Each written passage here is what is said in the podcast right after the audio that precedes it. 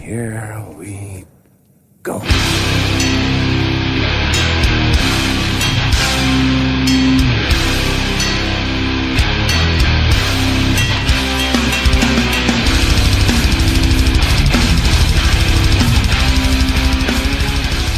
Sådär då, avsnitt 89 av Nere på Noll Podcast. Jag, Robin Lindblad, sitter här med David Olsson, Hej hej. Danne Nätterdal. Tja. Hur är läget? Tack, fint. Ja, eh, dig då Danne, pang-pang i orten, har jag hört. Ja visst. Eh, Det var en så kallad skjutning här förra veckan. Eh, Men så blir det när man, när man bor i, i orten. Men, faktum är att eh, riktigt gamla lyssnare kanske kommer ihåg att jag beklagar mig lite över där jag bodde förut också. Och eld och grejer. Ja, visst är det. Och jag, jag har eh, sammanställt en liten lista här på så extremt sjuka saker som har hänt på en radie av typ 200 meter från mitt, mitt hem. Det här är dock på olika platser. På, på, på gamla stället då så bodde ju ett, ett fyrvåningshus eh, med två lägenheter i, på varje våningsplan. Våningsplanet eh, snett under var ju den så kallade styckmördaren från universitetet. Eh, känt rättsfall. Ja, precis. Eh, grannen rakt över hängde sig. Ja, visst, eh, kan hända. Men sen var det ju också börja med en eh, mordbrand mot yngsta grabbens dagis som ligger typ 40 meter därifrån vi bodde. Ja, just det. Och det här, det tystades ner för att det var ju också en flyktingförläggning för nyanlända där. Ja, okej. Så det var ju inte lika mycket ramaskrik att det var mordbrand mot den, det Nej. huset som om det är nu när någon, någon som har skjutit varandra inne i en lägenhet. Liksom. Nej, precis. Så var det första. Sen... Men, men gick inte han ape shit och tände eld på jag, allting i jag tror inte det var samma. För sen var det ju på, på ganska få dagar tio olika bilbränder, alla runt mitt hus. Och sen slutade det med att det var fem stycken mordbränder i, ja det var dels i samma hus där jag bodde, men typ fyra andra hus precis runt knuten också. Mm. Eh, och lägg till då att eh, typ eh, 100 meter åt ditt håll Robin, eh, så brände de ju ner en, ett ganska stort grillkök. Alltså? Typ, ja, eh, det var ju samma veva, lite Okej. senare. Och går det 200 meter åt andra hållet så brände de ju ner en bilverkstad. Shit. Där jag alltid bytte däck och så här. Och det var ju också typ så här 200 meter från mig och där var det ju någon som dog. Uff. Det är en magnet för trubbel alltså. Ja, trouble always seems to find me. Ja visst, och så på, på Är du lite orolig att du bor ganska nära den? Ja. Ja men exakt. Och sen var det ju, det var ju 45-årig kvinna som var mördad. Det var ju, ja, ja, för ett halvår sedan eller ja något. i, i juni var det. Ja, okej. Och det är bara på andra sidan eller stora bilvägen. Ja. Så det är också typ några hundra meter. Och sen en snubbe nu, det var i juli, som vart skjuten utanför, eller mördad utanför Ekershallen. Ja, Vilket också är så här 300 meter. precis. Och sen nu då? Tur att du ska flytta då Robin. Och skjutning Ja. runt hörnet. Ja, fan det är mm, kul. Spännande. Det händer grejer. Ja, jag får hoppas att det stannar där och så att det inte blir något mer. Eh, händelserikt som vanligt med andra ord. Eh, och även i våran eh, inkorg för podden. Eh, det kom in lite feedback då Daniel Johansson skickade in eh, tips om nytt mangel. Det är alltså bandet, jag vet inte om man säger Bosse Denage eller om man säger något, ja hur fan det uttalas. Men de splittade med Death Haven för några år sedan och nu har de släppt nytt. Eh, Så att är man inne på det så, så kan man kolla in. Sen så, eh, eh, ja det här går väl in lite i Hänt i veckan, men svensk hardcore-kultur eh, har ett, jä- ett nytt jävligt coolt projekt på gång. De släpper en fotobok med 60 sidor A5 med bara Umeå hardcore-band. Eh, fotad av någon som heter Linda Lurve mellan 93 och 94. Guld-eran. Ja, verkligen. Och den kan man köpa då på eh, hardcorekultur.bigcartel.com. Eh, och det kommer även komma en bok framöver som har samma koncept som den här, men med fler städer. Så det är jävligt pepp. Eh, men ja, kolla in och köp den här. 65 spänn för den känns ju som ett rån. Gött att se lite bilder på första generationens svensk hardcore. Alltså. Ja, verkligen. Obs! Skämt. Vi blev precis dissade via, via Instagram. Eh, om att vi ofta refererar till till exempel Refuse som första generationens svensk hardcore. Eh, Gör vi verkligen det? Ja, det känns dessutom som att just de här senaste avsnitten med Linköping och nu då med svensk punk 77-82, att vi verkligen har snackat om Identity, Rape Teenagers, Rövsvett, som den första generationen. Ja, Men ja, det, absolut att vi har nämnt kanske Refused to dem som den första, första vågen. Men jag tycker att vi, vi kastar väl ut den, det epitetet åt både höger och vänster. absolut. Eh, sen är det klart... För, för att inte tala om om man vill bredda perspektivet och, och kalla typ C-Mex för, eh, för hardcore. Ja, Eh, och då har vi ju...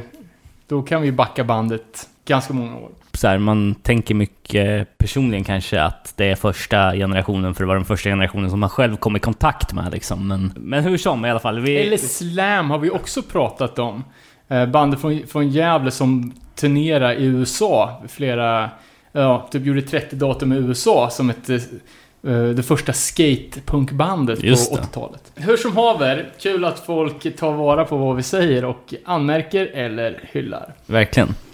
Eh, ja, jag vet inte, har ni någon mer feedback eller ska vi hoppa in på Hänt i veckan? Ja, jag tyckte bara det var lite roligt när vi, när vi skrattade åt Dog Eat Dog på förfesten till This is Hardcore. Att Andy Hate av alla människor nu sätter sitt rykte på spel. som en Dog Eat Dog-försvarare. Farligt. Tunn, tunn is alltså. Fast där verkar han ju i och för sig inte ha några problem med, med tanke på att han har gått ut med sitt rykte då bakom den här Kiruna-spelningen som förhoppningsvis ska bli av med Trail of Lies. Så upp till att leverera där nu. Jag, eh, vi var ju, jag vet inte, vi snackade om det i eh, den här intervjun som vi, vi kommer komma till idag. Eh, där vi går till botten med svensk punk. Men vi kan ju prata lite allmänt om eh, Tragedy-spelningen som vi var och, och såg. Eh, nya skylten, vi dokumenterade det rätt friskt på vår Instagram, men det var väl fan succé får man väl säga. Svinkul! Ja, eh, jag tyckte folk knorrade upp. Ja, jag trodde det skulle vara mer folk. Vad Men det var ju... Var det inte slut? Det var ju inga biljetter i och för sig. det Men var- fullt. Ja, jag, jag skulle säga att topp tre av de mest besökta spelningarna jag varit på, på skylten. Ja, verkligen. Jag har lätt sett 50 grejer där. Ja, Eh, men det var jävligt kul. Ganska hög medelålder dock. exakt. Men ändå, alltså det är så här. Jag tycker att det är härligt att åka dit, för det är så här rimlig, rimlig restid, det är bra lokaler, liksom det är kul om det kan komma igång där igen Ja, faktiskt. och det, ju, det var ju sjukt uppstyrt nu. Alltså allting var ju så här skinande nymålat där de hade ställt in fina möbler och... Det var bara publiken som var så- sunkig liksom.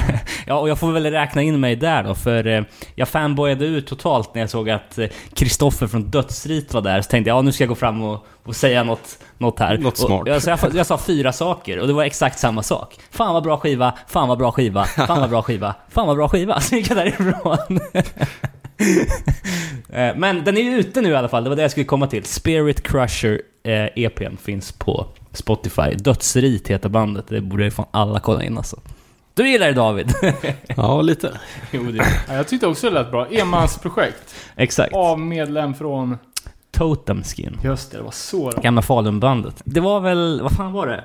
Några månader sedan man plockade ner pengar på den här Satanic Surfers eh, Skate to Hell reissuen eh, som något bolag gjorde. Eller om de gjorde det själva till och med. Men den ska komma här under hösten. Och nu då, Denial ute med en annan gammal reissue. Jag vet inte fan, har den någonsin släppts på vinyl? Den har ju inte gjort Nej. Nej, No Fun at All Vision finns att pre-ordra via Denial och den är ute då 20 oktober. det. Det är snart. Ja, Det är, det är nice när folk inte har såna här astronomiska tider mellan pre-order och leverans. nej verkligen. David, eh, världsrekordet i lång pre-order.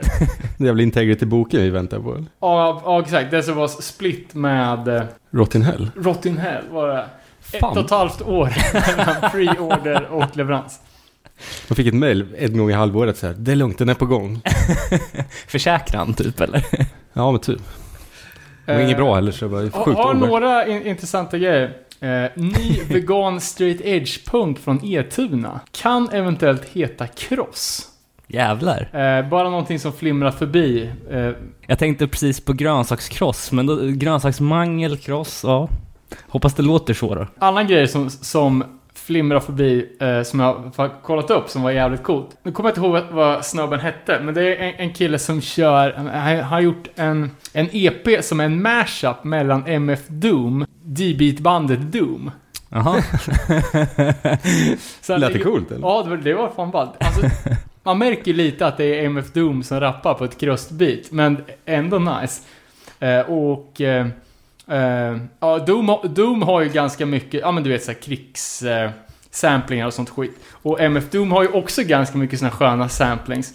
Så att det blir såhär bara, ja, typ. Det går hand i hand på Ja något det blir vis. lite som en, en bra Cold War-låt fast råare. Typ. Eh, så såg jag även att eh, No Redeeming Social Value ska spela in nytt. Ja jävlar vad kul. Det gillar vi. Ja, så på, på bilden också att eh, han med håret Bill Club Sandwich är med på någon vänster. Vet du vad han menar? ja, jag vet vad du menar. Eh, han har ju nå- någon typ av vit afro. Ja, exakt. Och så såg jag att Dare, Orange County Hardcore Band, som ser ut... Jag tycker också att de försöker se ut lite som, eh, som Turnstile, men som låter lite mer som Old School Hardcore. Ska släppa, släppa nytt på Reaper. Eh, dagen innan No Fun, så det är 19 oktober. Okej. Eh, bra band. Ja, annat nytt då. Eh, Eye Against Eye från Holland som jag har lovordat i Skatepunk-avsnittet. Deras, i min bok, klassiska platta Head Cleaner från 98 på Epitaph. Eh, de har planerat att släppa nytt material, det första på 13 år. Eh, och då blir man ju jävligt orolig. Eh, kom ut en singel som jag tyckte lät rätt så gubbrockig i början, men man hör ju vibbar av det gamla soundet. Eh, den heter Never Been So Sure, finns på Spotify. Kom, från kommande plattan då, Small Waves, som ska släppas på, och håll i nu, White Russian Records. Så vad, vad fan nu det är. Sen såg jag att eh, Sick of It All har planerat en ny platta. Eh, den har tydligen fått en titel eh, som är Wake the Sleeping Dragon. Ja, just det. Fan, den, Jag, jag jag haft, lyssnade fan på en låt från den. den har jag haft på det här eh, eh, Hänt i veckan-dokumentet i ett halvår utan att säga. Men just det, det är ju... Men Ja. lyssnade ni på låten eller? Halvbra. Okej. Det, lå- du vet, det låter ju som nya Psykofatal. Typ. Ja, okej. Eh, ja, det var tydligen uh, meningen att den ska komma ut på Century Media, men nu verkar det som att Fat Wreck kommer släppa den tillsammans med Century Media, så kanske därför det har tagit tid att... Ja, fan nu är det ju IG i hardcore här, men vart fan låg de efter Fat Records? Kan det vara direkt på Century Media? Ja, och det nu är då tillbaks? 2 november var release date på den här i alla Men fall. de säljer mycket skivor. Ja, men det gör de väl. För de drar jävligt mycket publik på så här arena Ja, gigs. exakt. typ. Exakt. De, jag hörde någonstans att den Yours Truly, som de släppte, ja, alla vet vilken det är. Mm. Hello Pricks och eh, många hits på den plattan. Men att det är deras absolut sämst säljande platta för att det är så fullt omslag. och det säger ganska mycket för de har inte, de har inte världens snyggaste omslag överlag. Nej, verkligen. Sen eh, The Story So Far, som jag också lovordade i punk- pop-punk-avsnittet, eh, släppte en ny platta som heter Proper Dose. Och eh, sen finns det ju någon amerikansk affärstidning som heter Forbes, eh, som utkommer varannan vecka. Det är väl världens kändaste ekonomiblaska. Ja, det kanske är så. De härjar om vinyl i alla fall i senaste numret. Kom, kom inte och, och, och trendspana om att vinylen är tillbaka. Skjut mig själv. Det, det måste vara världens senaste spaning. Ja, men eh, det som var intressant där och som man väl kan eh, fråga sig eh, om det stämmer, det är ju att de, de pekar då på att ja, vinylförsäljningen har gått upp så in i helvete, försäljningen via Discogs är framförallt det som har gjort det, men att eh, det har gått ner via Ebay. Old news to me baby. Ja, ingenting som... eh, Det kanske märks mer om man är amerikansk konsument av vinyl det här. 32 miljoner skivor hade så, eh, vinyler hade sålts i USA förra året i alla fall, så det var ett jävla steg upp. Ja, men jag, jag känner mig så lite kluven till att köpa nypressad vinyl. I och med, alltså, man försöker vara lite liksom miljövänlig. Och det här är ju bara, det, vad fan, vad är vinyl? Det är bara råolja förpackat, skickat över hela jorden och sen ställs in i en bokhylla för att aldrig spelas liksom. Nej, exakt. Och så köper man 36 varianter av samma skiva. Det är bara sån jävla överkonsumtion liksom. Eh, Men det är kul. Ja, men hur får band till exempel som Earth Crisis, hur fan kan de tillåta sig själva att släppa en platta? Ja, De, eh, de, det ska ju bara vara digitalt. ja egentligen. Men eh, ja, förhoppningsvis eh, en, en stor del av det som sägs på Discogs som inte är nytt i alla fall. Det är väl knappt någonting. Ja, det är så man Hitta ljuger. någon ek- ekologisk, lokalproducerad vinyl. ja, exakt. som Ja, har men, gått på fria gårdar. Men jag hö- hörde en polare som också samlar på, på 60-talsmusik. Från, från Sydamerika. De, späd, de hade ju sån jävla oljebrist. Att de spädde ju ut vinylen med andra så jox. Liksom samma som, som man hade barkbrödet i Sverige under Mm. svälten liksom. Så det går väl att... Det är något för Elon Musk att ta tag i. Ja, bara kör Han hade ju fått fem, sparken. 50% kaffe, 50% vinyl liksom. Sen då, eh, min sista grej, annat nytt här då. Eh, bandet Morning Again som har släppt första nya låten på Ja!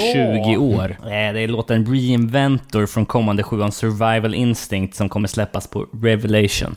Eh, och det låter ju bra som fan, vi lyssnar här innan vi drog igång.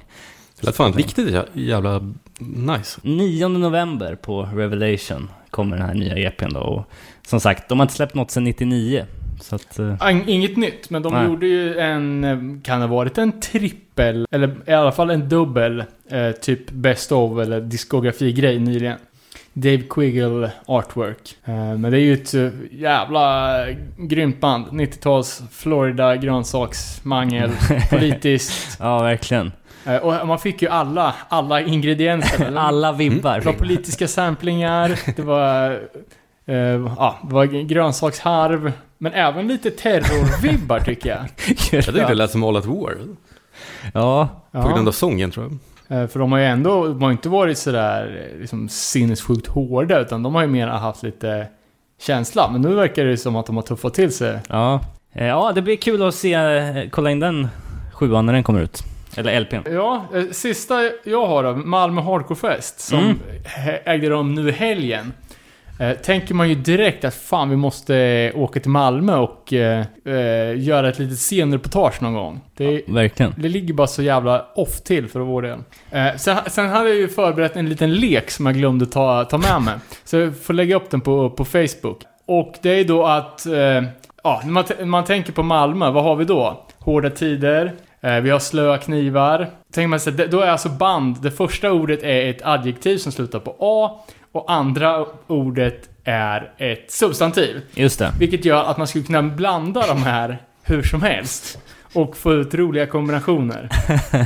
Radioaktiv städhjälp och så vidare. Så, eh, vi, vi, lägger, vi lägger upp den på Facebook så kan man köra en liten tombola. Ja, så kör vi de bästa i nästa avsnitt. Det tycker jag. Ja, men dagens huvudgäst då, huvudtema, det är ju Svensk Punk del 2.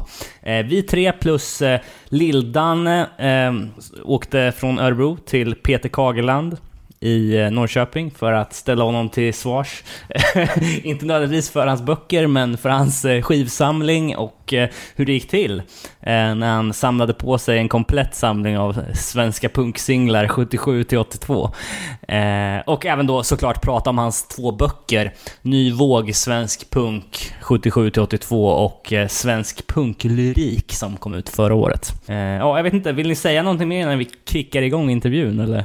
Eh, lyssna och njut. Det vart ju det vart jävligt bra. Kul, kul att höra någon som har varit med. Vi är ju mycket för att spekulera i vad som har hänt. Men nu har man- får man liksom lite svart på vitt. Och kul att se skivorna.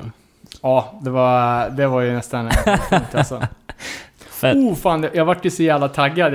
Eh, Vi kommer ju spela en låt med attentat. Alltså, jag hade ju en jävligt kort sväng eh, som jag lyssnade på punk innan jag började lyssna på hardcore. Och eh, jag kom ju in, alltså eh, Kung Pung var det första punkbandet jag hörde, men sen kom man in på, ja men du vet de här Birdnest-banden. Och eh, ganska snabbt så tyckte man att det, att det var alltså, lite halvgubbigt och tuntigt liksom.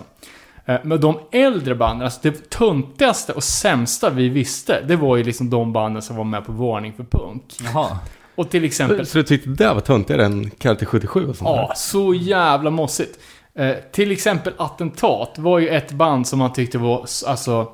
Du kan ju tänka att Attentat, det här var ju liksom när de var inne på sitt 25 år eller vad fan det blir som band, när jag började lyssna på dem. Eh, då tyckte man ju var total mossa.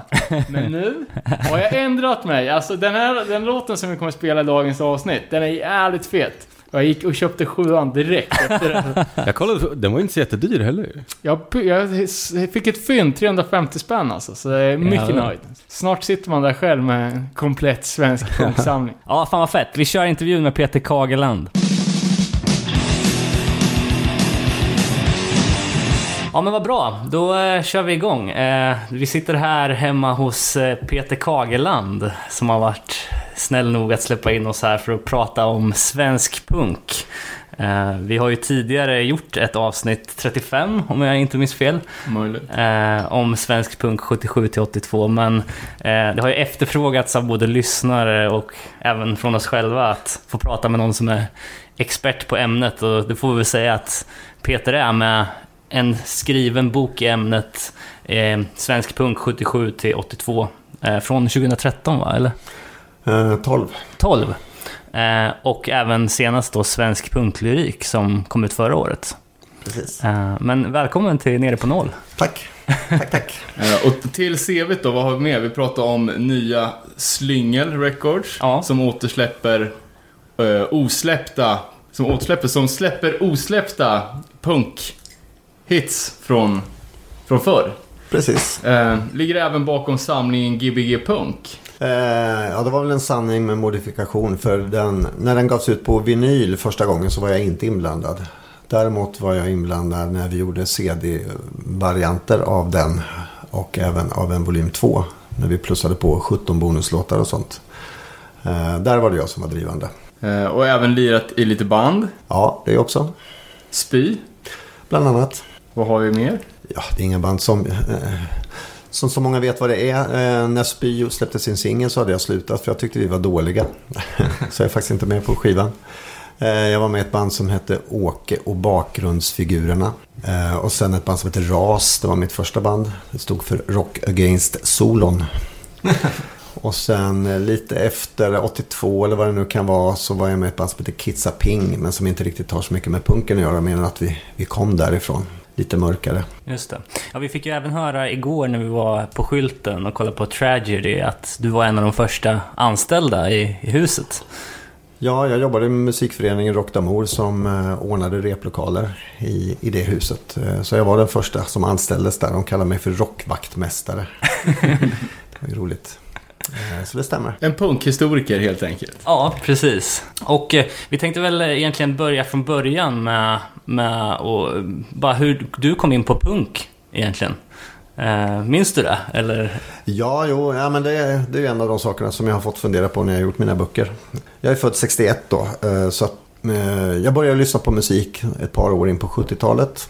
Eh, Mina absoluta favoriter var The Sweet. Jag lyssnar mycket på Gary Glitter och Susie Quattro, Mud, Slade. Och sen lite Status Quo, Deep Purple, Uriah Heap, Black Sabbath. Sweet var ju absoluta favoriterna. Men eh, de hade ju inte så mycket att säga, kände jag lite grann. Eh, Papa Rumba Rumba, Hey Papa Joe Coconut, Urchi Kakao, Coco, Coco. Ja, men det var rätt tramsigt sådär. Eh, så jag tror att jag saknade det lite grann. Och därför så eh, fastnade jag faktiskt för ett par av proggbanden. Motvind och Nationalteatern lyssnade jag en hel del på. Och ett band som heter Mobben uppifrån Norrland någonstans. Och då kände man lite om att man kunde faktiskt sjunga om något, något som betydde något. Det är ju möjligt att Sweet sjöng bra texter, i men jag fattade i så fall inte det. Men eh, så de blev på något sätt en liten port in för punken då. Eh, sen kom ju lite Patti Smith, Iggy Pops Raw Power. Jag kommer ihåg när jag såg omslaget till Raw Power första gången. Föll ju pladask för det. Lite New York Dolls, Runaways som var lite, lite, lite pre-punk eller vad man ska kalla det. Eh, och så spelade då Kjell Arlinge och Ramones i sitt eh, radioprogram Asfalttelegrafen. Och jag bara tyckte det var hur bra som helst. Det var precis, precis min grej. Eh, så jag köpte deras första platta. Men det gick att få tag i skivor nu. Ja, LP var ju inte så svårt. Det var ju svårare med singlar. Men eh, LP-skivor det var ju ändå släpp på ett, stort bolag och sådär. Och vilket år var det här? 76. 76. Våren 76 tror jag jag hörde Ramones första gången. Eh, sen kom ju alla de engelska banden. Och de var ju inte så svårt att hitta skivor med ändå. Eh, Dan Bascocks 99, Lurkers, Shell 69, Undertones och Pis- Pistols förstås. Eh, Och då bodde du i Linköping. då bodde jag i Linköping, ja. Och så kom ju svenska band och ja, det var ju skithäftigt att höra band som sjöng, sjöng på svenska. Jag, jag gillar ju det. så att det var väl så jag hamnade i punken. Jag startade band och, och sådär. Gick på spelningar också då i Linköping? Ja, till början med så var det inga punkspelningar i Linköping. Men man åkte väl upp till Stockholm någon gång då och då. och Sådär. Men efterhand så, så hände det ju saker i Linköping också. Det var ju Till att börja med i Linköping så var det mest fritidsgårdsspelningar och så. Ehm, Men Pistols spelar i Linköping, så? Ja, det gjorde de och där var jag inte. Eh, jag var 16, det var 18-årsgräns. Jag trodde inte ens att det var någon idé att försöka. Sen fick jag ju höra långt, långt senare att det var inte alls några problem. De där bröderna som drev eh, diskoteket där de spelade, de struntade ju totalt i hur gammal gamla folk var, bara de betalade. Och det var väl många av de, gamla, de tidiga punkarna som tänkte som jag, så jag tror inte det var särskilt många punkare där, utan det var mer vanligt folk som råkade vara på diskot, tror jag. Eh, det är lite deppigt att man inte var där då, men eh, så var det. Ja, eh, eh hur, hur, hur kändes det som att punken togs emot då? När du fick upp ögonen för den i, i liksom, bland dina polare och så här. Jag tänker att blev det ramaskri eller var man liksom härdad av att Sabbat redan hade hållit på i fem sex år och liksom det, det, var inte, det blev inte revolt bland föräldrar på samma sätt kanske som det hade varit tidigare eller? Ja, fast till viss del så var det väl lite så. Jag menar, eh, bland det första, när, när det började skrivas om punken, då var det ju skandalreportage i Expressen, Aftonbladet och Lektyr och sådana eh, tidningar som skrev Ja, men då hade de hittat, vi tror ju att de hade klätt ut några, jag vet inte, men tuppkammar och, och hakkors och, och sådär. Och det satte ju igång skräcken hos folk. Att, eh, ja, är de nazister? Liksom. Så att, eh, visst. Men det, inte så att det blev ramaskri sådär. Jag, mina föräldrar var väl lite ledsna. Pappa kom hem någon gång och då berättade att någon arbetskamrat hade sett mig på stan och att han tyckte att jag såg för jävlig ut. och på den tiden så var det ju bara liksom stubbat hår och eh, en skinnpaj med några Pistols badge på. Mm. Och det räckte liksom. Några år senare så krävdes ju tuppkammare och sånt för att väcka uppmärksamhet. Men, men det räckte faktiskt med, med det. Jag kommer ihåg första gången jag färgade håret. Jag har ju liksom mörkbrunt hår men jag färgade svart. Och mina föräldrar blev lite ledsna. Besvikna. eh, besvikna sådär. Och det var väl lite trist. Jag hade ju inget otalt med dem sådär. Det kändes ju, man, man, man ville ju visa att man, att man var punkare. Så. Mm. Eh, Minns du några spelningar från den tiden som, som du minns med att ja, där jag var där, jag fick se dem i sin... Eller första gången du såg Punk live. Ja, exakt. Det kanske är ännu mer intressant. Oj, jag har inte riktigt tänkt på att första gången jag såg punk live. Eh, I Linköping fanns det ett, ett tidigt punkband som hette Things of London. Det var ett skjortmärke de döpte sig efter. eh, bandet gjorde bara några få spelningar, eh, släppte ingen skiva. Men medlemmarna eh, bildade senare de två lite större punkbanden i Linköping, IQ55 och Blitzen. Så det kan ha varit den första. Jag har inte riktigt tänkt så. Men eh, vi gjorde väl någon spelning 78 själva. Sådär. Sen började man åka upp till Stockholm. Första utländska punkbandet jag såg var Boomtown Rats. Inte jättepunkiga, men eh, det var det första. Sen var vi uppe i Stockholm och såg 999 och Stiff Little Fingers och Champ 69 och, och några till. Och ibland åkte vi även på och såg svenska band, Pain och lite sånt. ja. Jag, tänker på det här, alltså, som jag också eh, tyckte jag, jag fick en ganska, ganska, mm, liksom, ganska tydlig bild av hur det svenska samhället såg ut. Framförallt när man läste eh, liksom diskussionerna kring eh, texterna i svensk punklyrik. Att det liksom målas upp ett ganska, ganska tråkigt samhälle. Alltså väldigt konformativt, väldigt gråsossigt. Känns som så, lite moralpaniskt också. Och ja men så, så, småborgerligt och att det var absolut, att man liksom väldigt mycket jantelag. Ja, svår fråga. Eh, jag var ju 15. Hade väl inte så himla mycket koll på hur det såg ut i samhället och så. Jag hade ju börjat gilla musik några år tidigare. Så att där var det ju ganska torftigt. Det fanns säkert band i Linköping som spelade men jag såg bara något enstaka. Jag spelade fotboll och åkte skateboard typ. Hängde hemma hos kompisar, lyssnade på musik. Eh, sen när det började komma igång konserter så, så, så gick man ju på det. Eh, I Linköping var det framförallt fritidsgårdarna till att börja med. Eh, Det dök upp ganska, bildades ganska många band tidigt så att mm, ett par gånger i månaden i alla fall så var man ju på någon fritidsgård och kollade på mer eller mindre punkiga band. Så. Men tror du att, liksom, att historieskrivningen har eh, liksom färgat eh, våran, alltså vi som är 80 och 90-talister, liksom, eh, våran syn på, på hur det skulle ha varit då? För det är liksom, ja men det pratas liksom om den här tri tristessen i miljonprogrammet och man bara går runt och, vad, vad sa de? Trackar, typ. Mm. Terrar. Mm. Men jag menar, och så snackar det är så provocerande att ha, vad sa du, skinnpaj? Att folk blir helt tokiga över en sån. Ja, vi kollar ju på, på den här dokumentärserien Eran. När, när en, folk berättar att ja, men det var liksom stryk varenda, varenda rast vart det stryk. För att man typ misstänktes lyssna på punk. Mm. Jo, det är ju många som har sagt sådana saker när jag har pratat med dem inför, i samband med mina böcker då. Men det beror ju mycket på var man bor. Det är klart att det är skillnad på Stockholms förorter, Rågsved och Farsta och sånt i jämförelse med Linköping.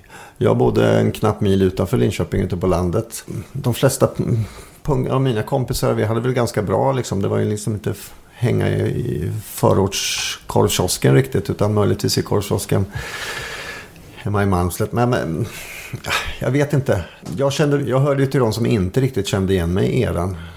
För riktigt så nattsvart, nattsvart kände inte jag att punken var. För mig, för mig var det roligt att liksom, det kom massa bra musik och man kunde. Jag hade spelat gitarr i kommunala, kommunala musikskolan i något år liksom, men helt plötsligt så kunde man faktiskt eh, fixa en elgitarr och, och bilda ett band. Fast man knappt kunde spela liksom. Eh, För mig var det, var det det som var grejen. Och jag vet inte riktigt.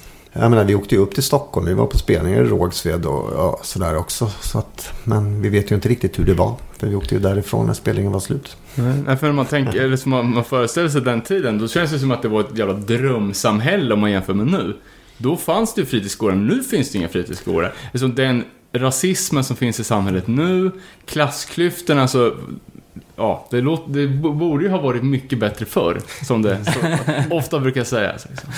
Fast det provoceras mycket. Det är, ju, det är ju många bandmedlemmar som har sagt att de levde ju farligt. Och även i lite mindre städer. TST från Västerås till exempel. De blev ju beskjutna med luftgevär och sådana saker.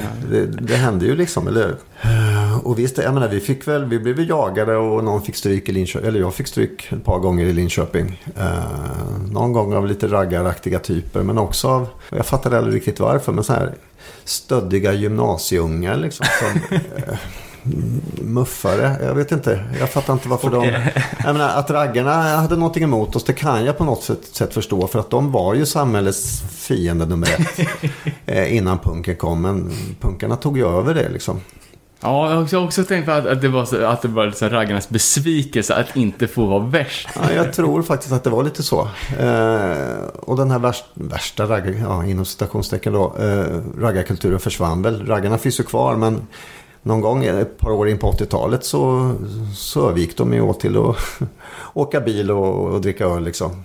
Eh, och brydde sig inte så mycket om vad andra gjorde. Men eh, det var ju mycket eh, under de första åren. Det var det ju.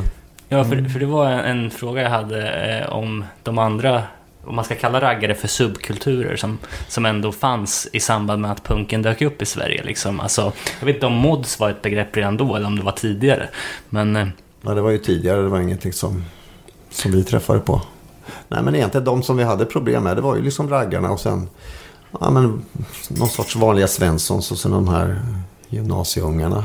Ja, men vid något tillfälle så, jag hade kompisar som gick på en annan skola. Så skulle jag hälsa på dem på, på skolan liksom och passade på att käka där. Och det kanske man inte skulle göra egentligen. Så kommer en av de här killarna som brukade bråka med oss och liksom, han verkligen slår, slår ner mig liksom. Man hade någon klackring som gjorde att eh, ögonbrynet gick upp så att det bara rann blod liksom. Jag menar, det var mitt på dagen, mm, halv tolv på en skola liksom. Så att man var ju lite utsatt.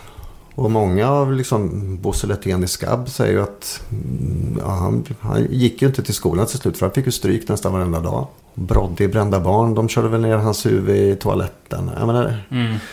så på och det fattar jag inte riktigt varför. Det var liksom på skolorna. Men Det var Ja. nästan lite socialt accepterat att det var lovligt byte på, Ja. på att vara punkare. precis så, skyll dig själv liksom. Lärarna, flera har också sagt att lärarna brydde sig inte. Skyll dig själv, sa de mer eller mindre uttalat. Lite skumt. Ja, med tanke på att det är ju barn man pratar om också. Precis. Inte... Och vi var ju inte provocerande mot någon annan. Vad jag kan minnas. Mer än att man såg annorlunda ut då. Eller hade annorlunda kläder på sig. Det var inte så att vi gav oss på någon. Det var inte vi som gav oss på raggarna. Så det är lite skumt. Jag lä- läste om det här Linköpings Sex Pistols-giget att det var, eh, stod att det var många som inte vågade dra på spelningen. Just för att eh, det var så bäddat för att det skulle bli raggarslagsmål. Ja, nej, men i Stockholm var det ju, var det ju stökigt till exempel. Där eh, sägs det i alla fall att eh, raggarna hade något sorts eh, pen, penningsystem. Ju fler blodiga säkerhetsnålar man kunde rycka bort från en punkare, desto bättre var det liksom. Ouch. Jag vet inte om det är sant, men eh, det har sagt så. Eh, Var det aldrig det slogs tillbaka? Det vågade vi inte. Nej, det var, det var alltid minoriteter. Men åldersmässigt också va? Ja, jag menar de var väl ofta eh, 30 liksom och vi var 15-16 eh, år liksom.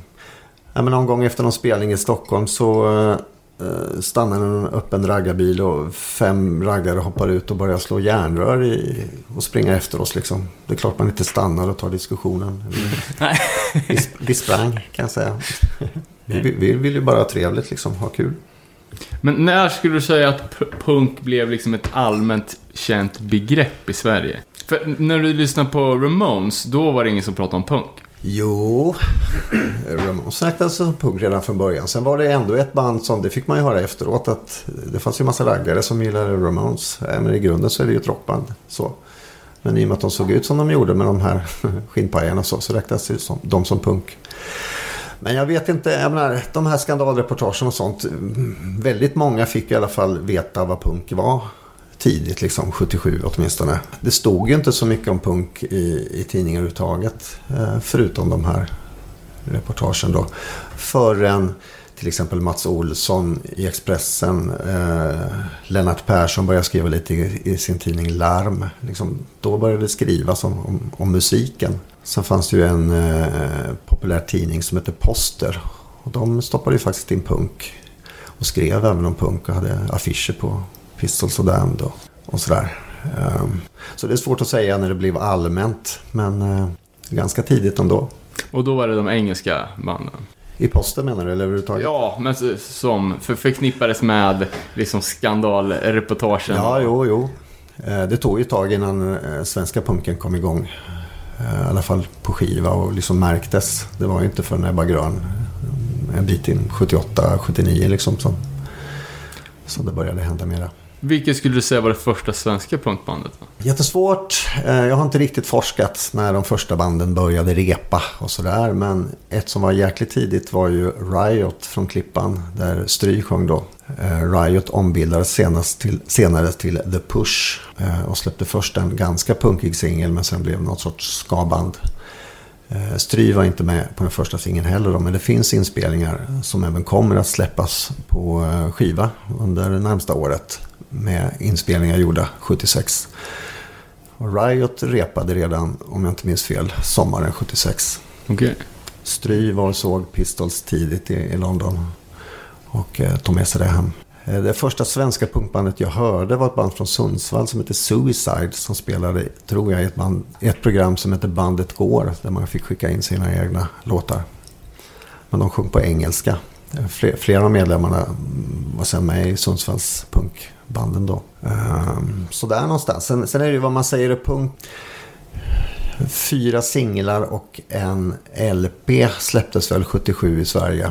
Som man kan kalla punk på något sätt. Den absolut första var ju bandet Madhouse från Stockholm. Som kanske var lite mera pubrock egentligen. Men de var väldigt inspirerade av Television. Som ju på något sätt i alla fall räknades som en del av punken i, i New York då. Eh, En av medlemmarna hade varit i New York 76 och sett eh, Television. Bland annat så spelade Television Knocking on Heaven's Door. Och på bas- baksidan av Madden Singles så eh, spelade de in Knocking on Dylans Door. och de valde även etikettfärgen. Det är exakt samma färg på eh, Madhouse singel-etikett som det var på Televisions första singel Little Johnny Jewel. Sen var det väl Four Mandarins, de med Jan Andersson. Mona Salins brorsa. Eh, de såg ju inte så punkiga ut men det är en jäkligt bra singel.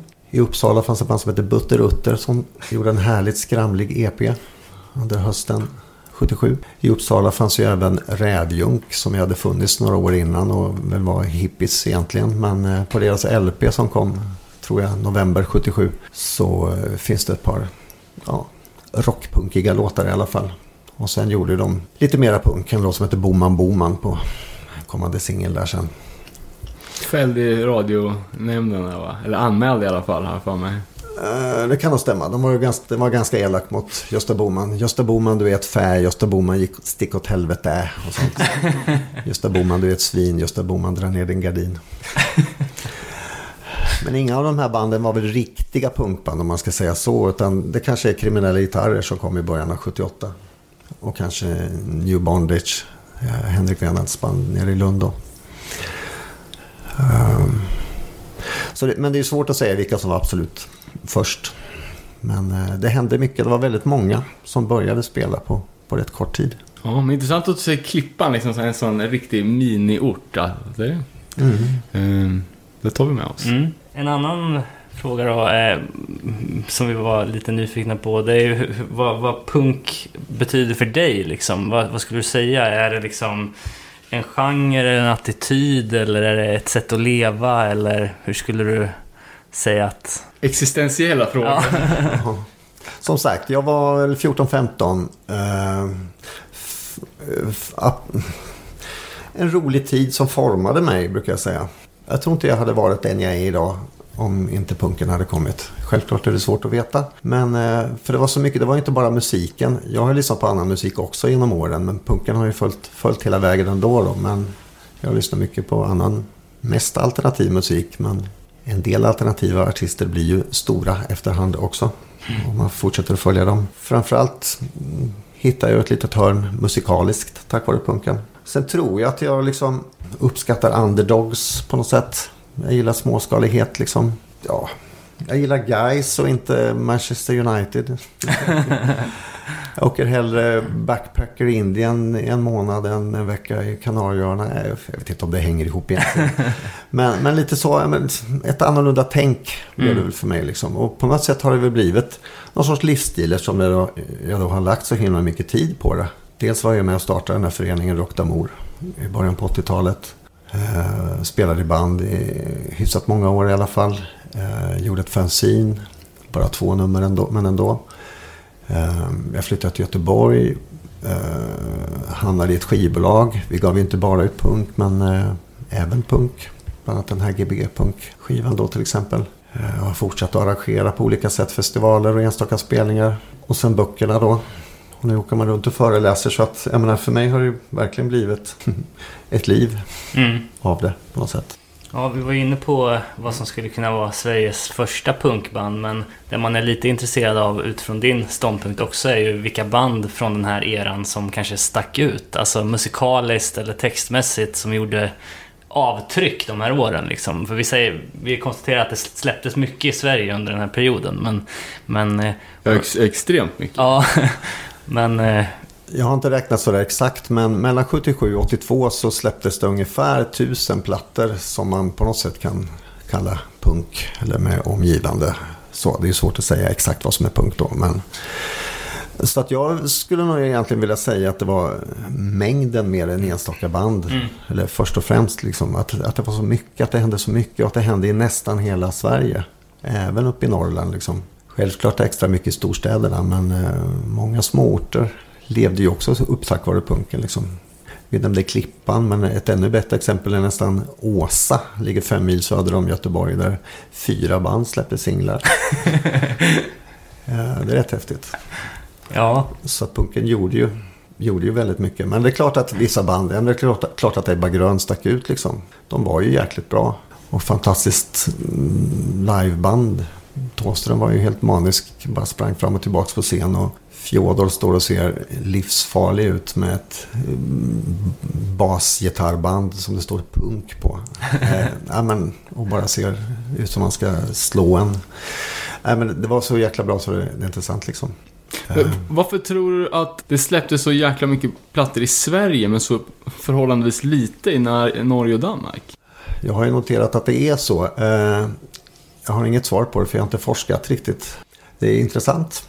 För vi var ju inne på när vi pratade om det här sist att liksom, dels då, såklart kommunala musikskolan. Jag vet inte vad, vad, vad det finns för motsvarigheter i till exempel Norge. Men sen också att, att eh, den småskaliga dansbandsindustrin, att det fanns så mycket studios i Sverige som gjorde att det fanns, alltså från tanke till handling Eh, man kunde starta, starta ett band, man kunde lätt hitta en replokal och man kunde lätt spela in.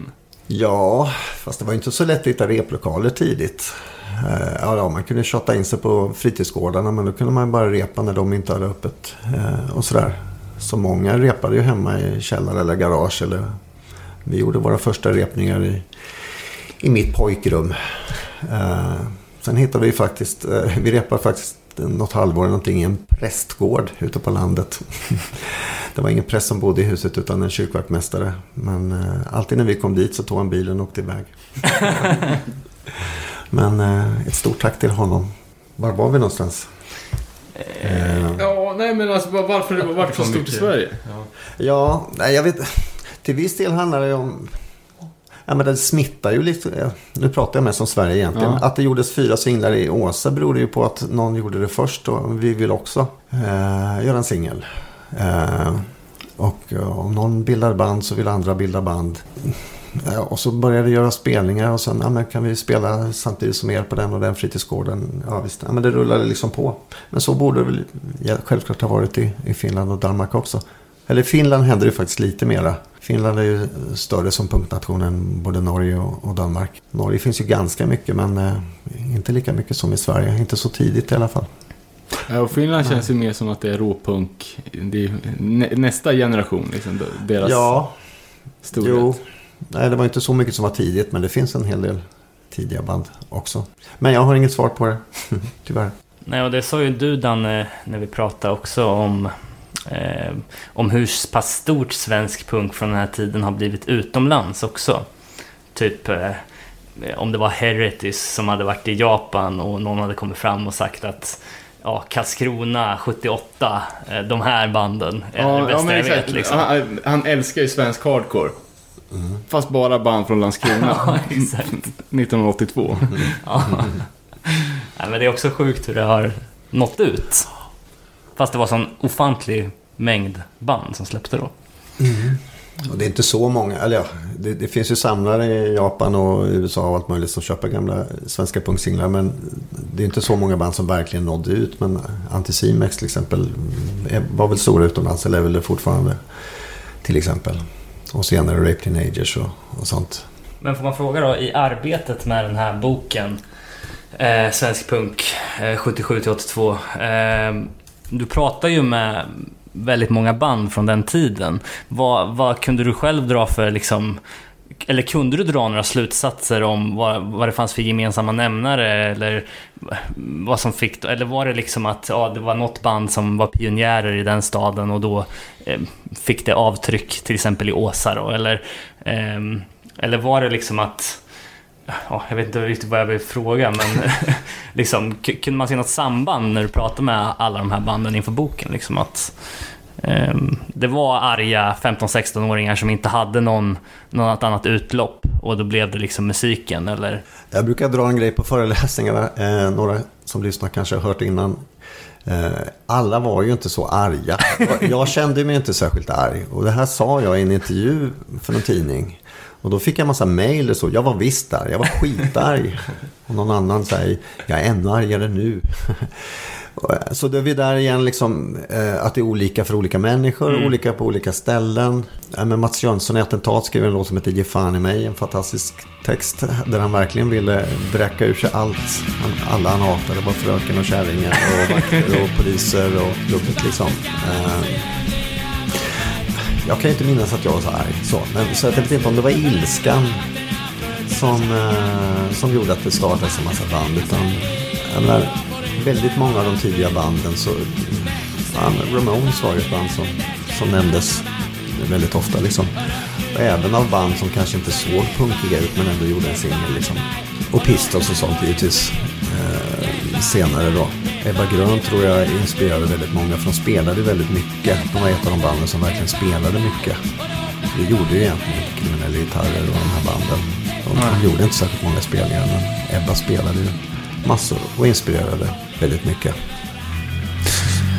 Men ja, precis. Eh, och, och det är också intressant, och, för, för vi tittar ju på den tidens punkscen utifrån hur vi ser på punkscenen idag i Sverige, som vi själva är aktiva i. Vi åker på spelningar och så här. Och vi åker just till Stockholm eller Göteborg för att gå på stora gig. Det känns som att den här lokala förankringen var ändå det som var ja, eh, mer fram, framträdande på den, i den här perioden. Men skulle du säga, hur var publiken då? Alltså jag tänker, var det mestadels ungdomar eller kom det även äldre på spelningarna? Kom, var det liksom diversifierat i killar och tjejer eller var det liksom...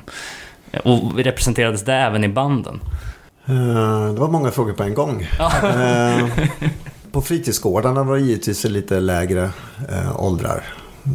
Jag menar, kanske till och med 12-13-åringar mm, som brukade hänga på gården kunde väl vara upp till oss då som kanske var 15-16 och sen det var några som var, de gick i 55 var väl något år äldre än oss. Och eh, fördelningen killar och tjejer var nog ganska, ganska jämn. Alla var ju inte punkare men vissa blev det. Eh, för en del var det väl bara roligt att se, se band på nära håll. För det kanske inte så många hade gjort innan. Mm, Efter ett tag, jag menar, man åkte ju runt. Vi åkte ju på nästan alla eh, fritidsgårdsspelningar där det var punkaktiga band som spelade. Så man lärde ju känna, varje spelning så lärde man känna några till. Och många har jag ju fortfarande kontakt med. Man träffades på någon IQ 55-spelning på någon fritidsgård och sen ja, är man vänner fyr- 40 år senare. Det är ganska häftigt. Hade du fler frågor där i ditt, sjok eh, som jag inte riktigt har... Det var ju mest också ålders, eh, åldersskillnaderna liksom. Fanns det folk som var över 20-30 som kom in och började spela punk? Eller var det Kids. kids? Nej, i huvudsak så var det ju kids förstås. Men eh, på spelningar, jag menar fritidsgårdsspelningarna var ju som sagt rätt ung publik. Men eh, ibland var det spelningar i Folkets hus. Till exempel, det fanns en lokal där som hette Grottan och då, då kom det ju liksom äldre. Jag menar, det fanns, ju- finns ju ändå, fanns ju ändå kopplingar till liksom de som har, har, var lite mer vakna inom proggen. Så, och vi samarbetade även en del. Det fanns en musikförening som hette Linköpings musikforum. Som vi eh, gjorde gemensamma arrangemang med eh, ett par gånger. Så att det fanns ju liksom kopplingar. Eh, som uppskattade punken men som kanske spelade mer utflippad musik. Mer experimentell musik och så. Och punken var ju väldigt spretig överhuvudtaget. Eh, syntband, de tidiga syntbanden passade ju bra in i punken tyckte vi. Och flera av de tidiga syntarna de hade ju liksom börjat i, i punken men upptäckt att ja, det var kul att spela på en synt. Och, Mm. så det var väl en blandning av allt möjligt. Men det är klart de flesta av oss var ju mellan, ja, mellan 15 och 20. Mm. Både som spelade och, eh, och som tittade på. Eh, och det här med tjejer och killar och band. Mm. Det var ju innan punken så var det ju ganska ont om kvinnliga musiker i rockband. Eh, spelade man eller var man med i band så var man ju ofta sångerska. Eh, lite grann hände det väl under proggtiden. Eh, Eldekvarn hade ju ett par tjejer i bandet och så. Men just under punken så, så var det ju fler som är, precis som vi killar, som vågade eh, försöka. Det är flera tjejer, tjejerna som jag pratat med i Nyvågboken då, som säger att de fick inte vara med. De ville vara med killarna men fick inte. Så att, eh, därför så blev det en, del, en hel del band som, som bara bestod av, bestod av tjejer. Då. Och en del vågade väl kanske heller inte ge sig in på att spela med killar. Utan de, de tyckte det kändes tryggare att göra med, med tjejkompisarna. Så att på något sätt så det är ju en av sakerna som punken ändå har gjort. Att många tjejer vågade och kom in på musiken så. Och flera fortsatte ju att spela Kajsa Grytt och sådana spelar ju fortfarande. Och sakta men säkert så har det ju hänt mycket. Nu känns det som hälften av all musik i Sverige görs av tjejer. Mm. Och det är ju precis så det ska vara. Och det är väl trevligt om punken har varit med och, och dragit ett litet strå till, till den stacken, känner jag. Jo, men det hör man ju ofta med, med gamla intervjuer och sånt. Att just det här att det nästan var första gången man kunde göra någonting själv. Vare sig det var att skriva ett fanzine eller sätta upp ett gig. Att det nästan inte hade funnits i folks tankevärld innan. Och sen helt plötsligt så ser man, oj, man kan göra vad, vad man vill. Mm. Och man behöver inte kunna spela, alltså, det är bara, det är bara att köra. Jag har inte hundra koll exakt på hur proggbanden funkade. Det fanns ju en hel del proggband och många var ju stora och det var de man kände till. Liksom. Det som var häftigt med, med punken det var ju att eh, det var inget svårt att få spelningar. Om man var på en fritidsgård till exempel. Eh, och när spelningen var slut så gick man in på kontoret och sa vi vill också spela. Ja, då tar de fram en almanacka och så skrev man ja, ja, tre veckor senare. Det var liksom ingen som behövde lyssna på någonting. eh, så. Eh, och de visste väl att, jag menar, vi drog ju dit folk till de här fritidsgårdarna. Det kunde vara upp till 100 personer på, på de här spelningarna. Man står i ett hörn, det var ingen scen utan man bara står i ett hörn på den här gården och, och spelar. Kommer väldigt nära publiken och det var ju så man ville, ville att det skulle vara. Eh, nå- något egoistisk fråga, men jag är nyfiken. Fanns det koncept som stage dives och, och liksom någon form av mosh redan då? Eller var det liksom... Eller stod man och headbangade liksom för man, man, man hade sett på Judas Priest-videos? Eller hur liksom var... Ja, eh, det, på fritidsgårdarna fanns det ingen scen som man kunde klättra upp på och slänga sig utifrån. Oftast. En och annan gård hade väl det kanske. Men eh, nej, det kom väl lite senare. Eh, har jag inte riktigt tänkt på. I Stockholm så började det väl ganska tidigt dansas lite vilt framför scenen. Liksom att man någon sorts slamdance eller något. Eller bara stå och hoppa liksom. Men jag minns inte det riktigt av de, från de tidiga spelningarna i Linköping. Utan jag tror man stod och gungade med rätt mycket. Mm. Ja, kanske några började hoppa lite. Det var ingen som tog micken liksom. nej, nej. Men det är möjligt att det var annorlunda i, i Stockholm. På, på de ställena där. Ja, vi, vi snackar ju om, om fritidsgårdarna. Eh, och, och eh, ja, i, i Ny Våg-dokumentationen liksom av, där ska försöka samla alla band under den här perioden. Tror du att det var många band som i efterhand klassades som punk? Liksom, det var ett, varenda band av kids på fritidsgården blev sen i backspegeln ett punkband. Den stora frågan är ju vad är, vad är ett punkband? Eh, när vi började med, när jag och Mats Jönsson började med den här Nyvåg då. Så funderade vi på mm, vad vi ville göra för någonting. Och vi var ju båda överens om att vi ville inte liksom att kriteriet för att få med, vara med i boken skulle vara att man såg jäkligt punkig ut och att man sjöng Jag hatar snutar. Liksom. Det kändes som ganska trist. Utan vi ville ha med alla de banden som ändå startade på något sätt tack vare punken. Med inspiration från Ramones eller Ebba Grön eller vad det nu kunde vara. Och som de kanske hade startat sitt band ändå men utan punken hade de kanske låtit på ett annorlunda sätt. Vissa band spelade väl kanske punkigt första halvåret men i takt med att man lärde sig så kanske man utvecklade musiken lite grann också. Sen skiljer sig ju punken rätt mycket från olika delar av landet. Eh, I Stockholm fanns ju förstås allting. I Göteborg så ja, fanns väl också kanske allting egentligen. Men, men i Malmö-Lund så var det lite mörkare, lite svartare. Det fanns något enstaka riktigt eh, hårt punkband också. Eller med arga texter och så. Men eh, om det nu var det studenti, eh, studenterna där nere. Jag vet inte riktigt eh, exakt. Men eh, det blev en annorlunda typ av texter och en annorlunda, lite mörkare musik. Och på något sätt ville vi få, få med allt det här i boken. Liksom. Nej, för, så KSMB säger ju alltid att vi kallar, vi sa aldrig själva att vi var ett punkband. Men det är ju ändå nästan arketypen får man väl säga för, punkband från den här eran. Ja, fast samtidigt så var de ju inte punkare de egentligen. Johan var det väl kanske tidigt, men Alonso Steppan och, och eh, Ampuller de här, de de var liksom inte punkare. De såg helt vanliga ut. Eh, så på något sätt kan jag förstå att de ville kalla sig vrålrock, eller vad de nu använde för någonting. Eh, men Ebba Grön sa ju heller inte att de spelade punk, de spelade antirock till exempel. Och det kanske var ett sätt att sticka ut lite grann och, och skilja sig från, från alla andra. När det gäller Ny Våg-boken så, så ville vi i alla fall få med alla banden som vi på något sätt tyckte hörde ihop.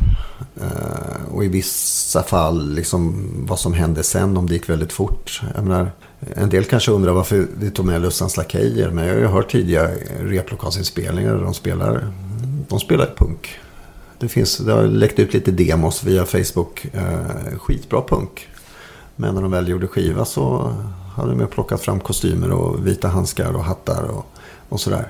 Kanske något för slyngel då? Vi har vissa funderingar men vi har hört på omvägar att Johan inte är så förtjust i de där låtarna. Vi får väl se hur det går med det. Men en annan fråga om, om, om eh, nivå idag.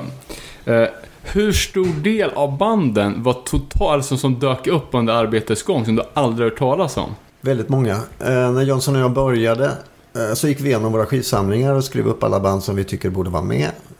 Jag minns inte exakt men det var någonstans mellan 200 och 250 band. Och så tänkte vi att ja, vi kanske har missat 20. Eller någonting sånt. Men det slutade ju med 505 band då. Eh, delvis beroende på att vi, eller att jag, eftersom jag tog över arbetet med boken, breddade det lite grann då. Eh, och tog med även Ratata och lite sådana saker.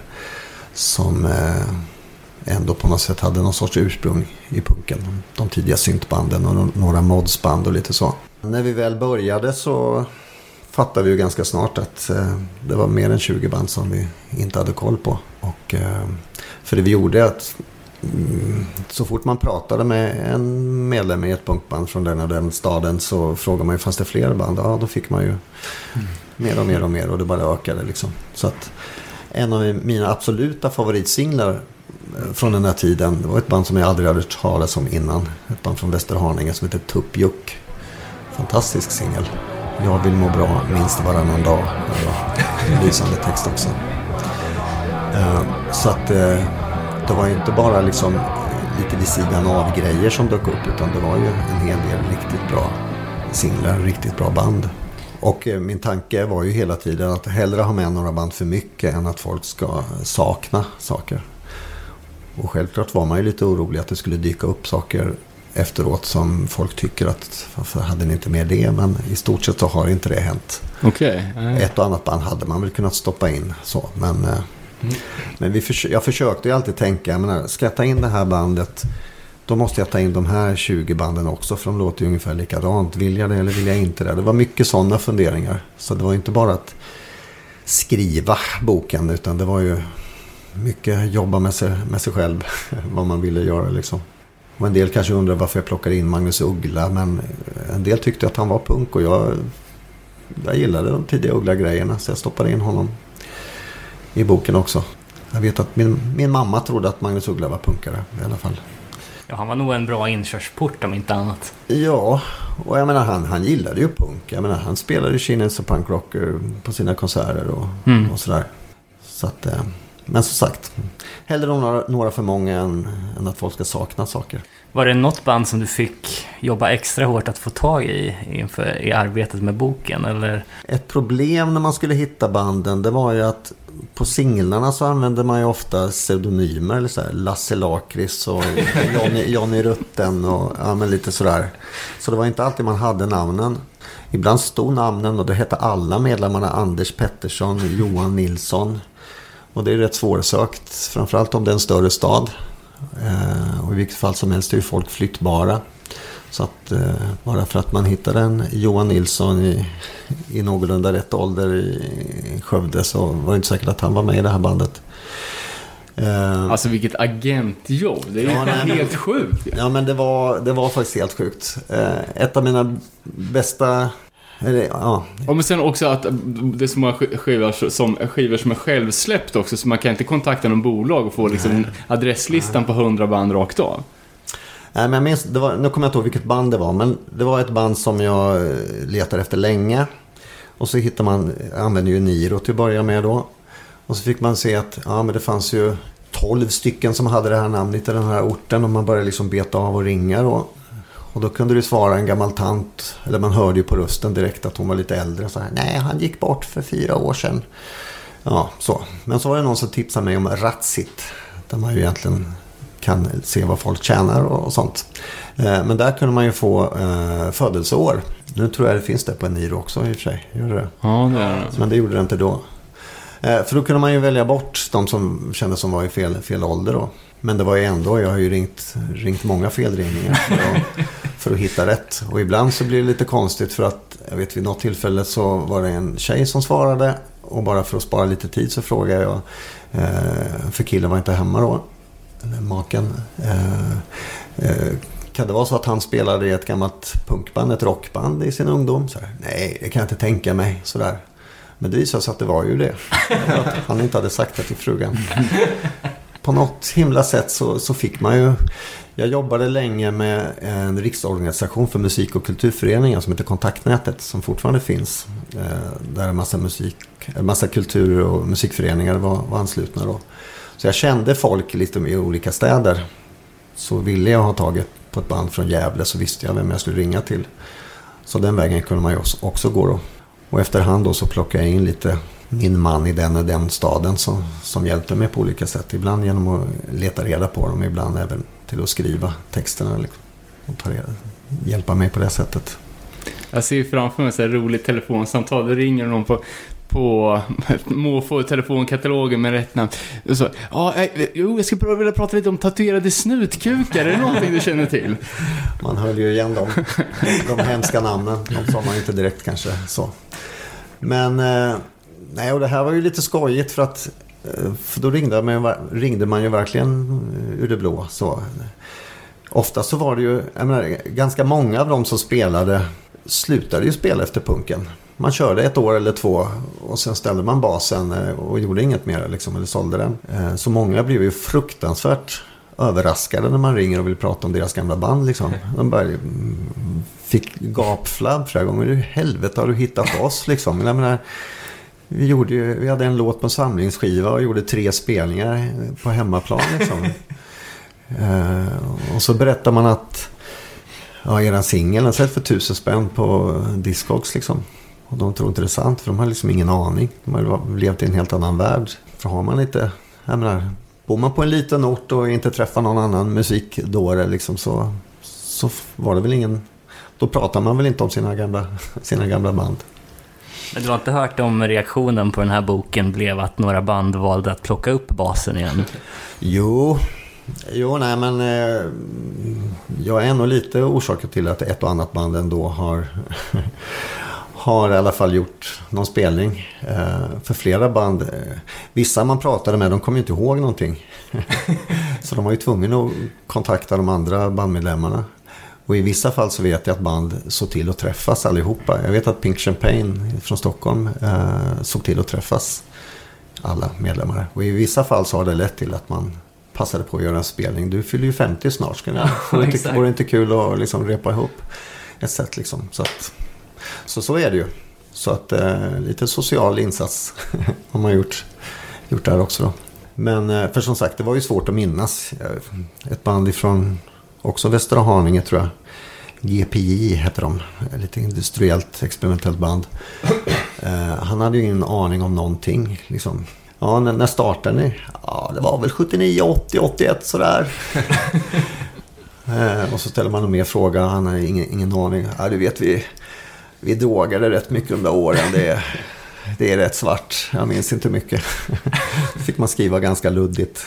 Men det måste väl också varit eh, medlemmar som inte alls har koll på deras värden på deras singlar och dylikt idag. Som ja, kanske nej. har en låda ospelade ja, ja, i källaren. En, en, en och annan blir ju säkert glad att fick, fick veta eh, att deras skivor var eh, eftertraktade och hade några ex kvar.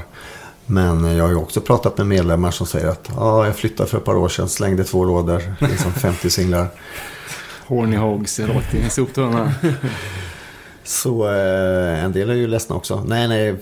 Som sagt, har man inte varit i branschen eller fortsatt att spela då har man ju ingen aning. Liksom. De som har fortsatt, de, de, de vet ju förstås. Och tycker ju ofta att det är lite skojigt. Och när deras singlar läggs ut på eh, Tradera och Discog så lägger de ut det på Facebook. Och, ja, bara så ni vet, våran singel ligger på 6000 på Tradera just nu. så att det är väl skojigt. Eh, eller det är ju skum, skumt överhuvudtaget. För jag menar, när man släppte singlar på den här tiden, man visste ju inte ens om man skulle sälja ut sina upplagor då. Förstås. Och alla gjorde ju inte det heller. Vissa hade ju halva upplagan kvar i många år efteråt. Eh, men sakta men säkert, om man nu hade varit förutseende nog att spara dem så har man ju kunnat sälja dem i efterhand. Ja, vi har ju fått höra här att du har en, är det komplett svensk punksamling 78 till 82? Komplett kan man ju inte bli. ja, som sagt, jag, när jag började med boken så trodde jag ju att jag hade allting. Eh, med några få undantag, men så var det ju inte. Och då kan, kunde jag ju inte riktigt låta bli att försöka få tag i det jag saknade. Såklart. Såklart. Så eh, de här böckerna jag har släppt har ju kostat mig rätt mycket pengar. eh, för det inte, går inte att de pengarna som böckerna har dragit in, ja, det är inte lika mycket som jag köpt skivor för om man säger så. Men det visar sig att många band har ju släppt olika varianter, liksom fyra omslagsfärger och det är ja, några första 20 exen med skäms så eh, står en av medlemmarna som Per-Erik Vers. Vilket hans mamma inte tyckte om sägs det.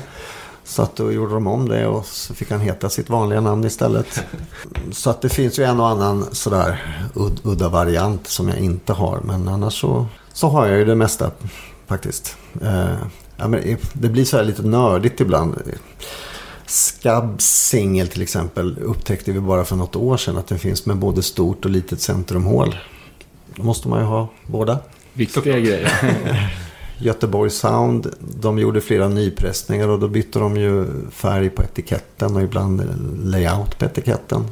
Ibland även omslag. Jag menar, ja, så det, men vi, vi försöker varje gång man, man hittar en skiva någonstans försöker man titta, är det någonting som skiljer sig som man inte har då? Men det är svårt att hålla allting i skallen. När började du samla? Nej men jag köpte ju, jag började ju köpa skivorna tidigt. Uh, I Linköping så var det till början med Domus. För där jobbade en bra kille som hette Anders som uh, såg till att ta dit lite punksinglar.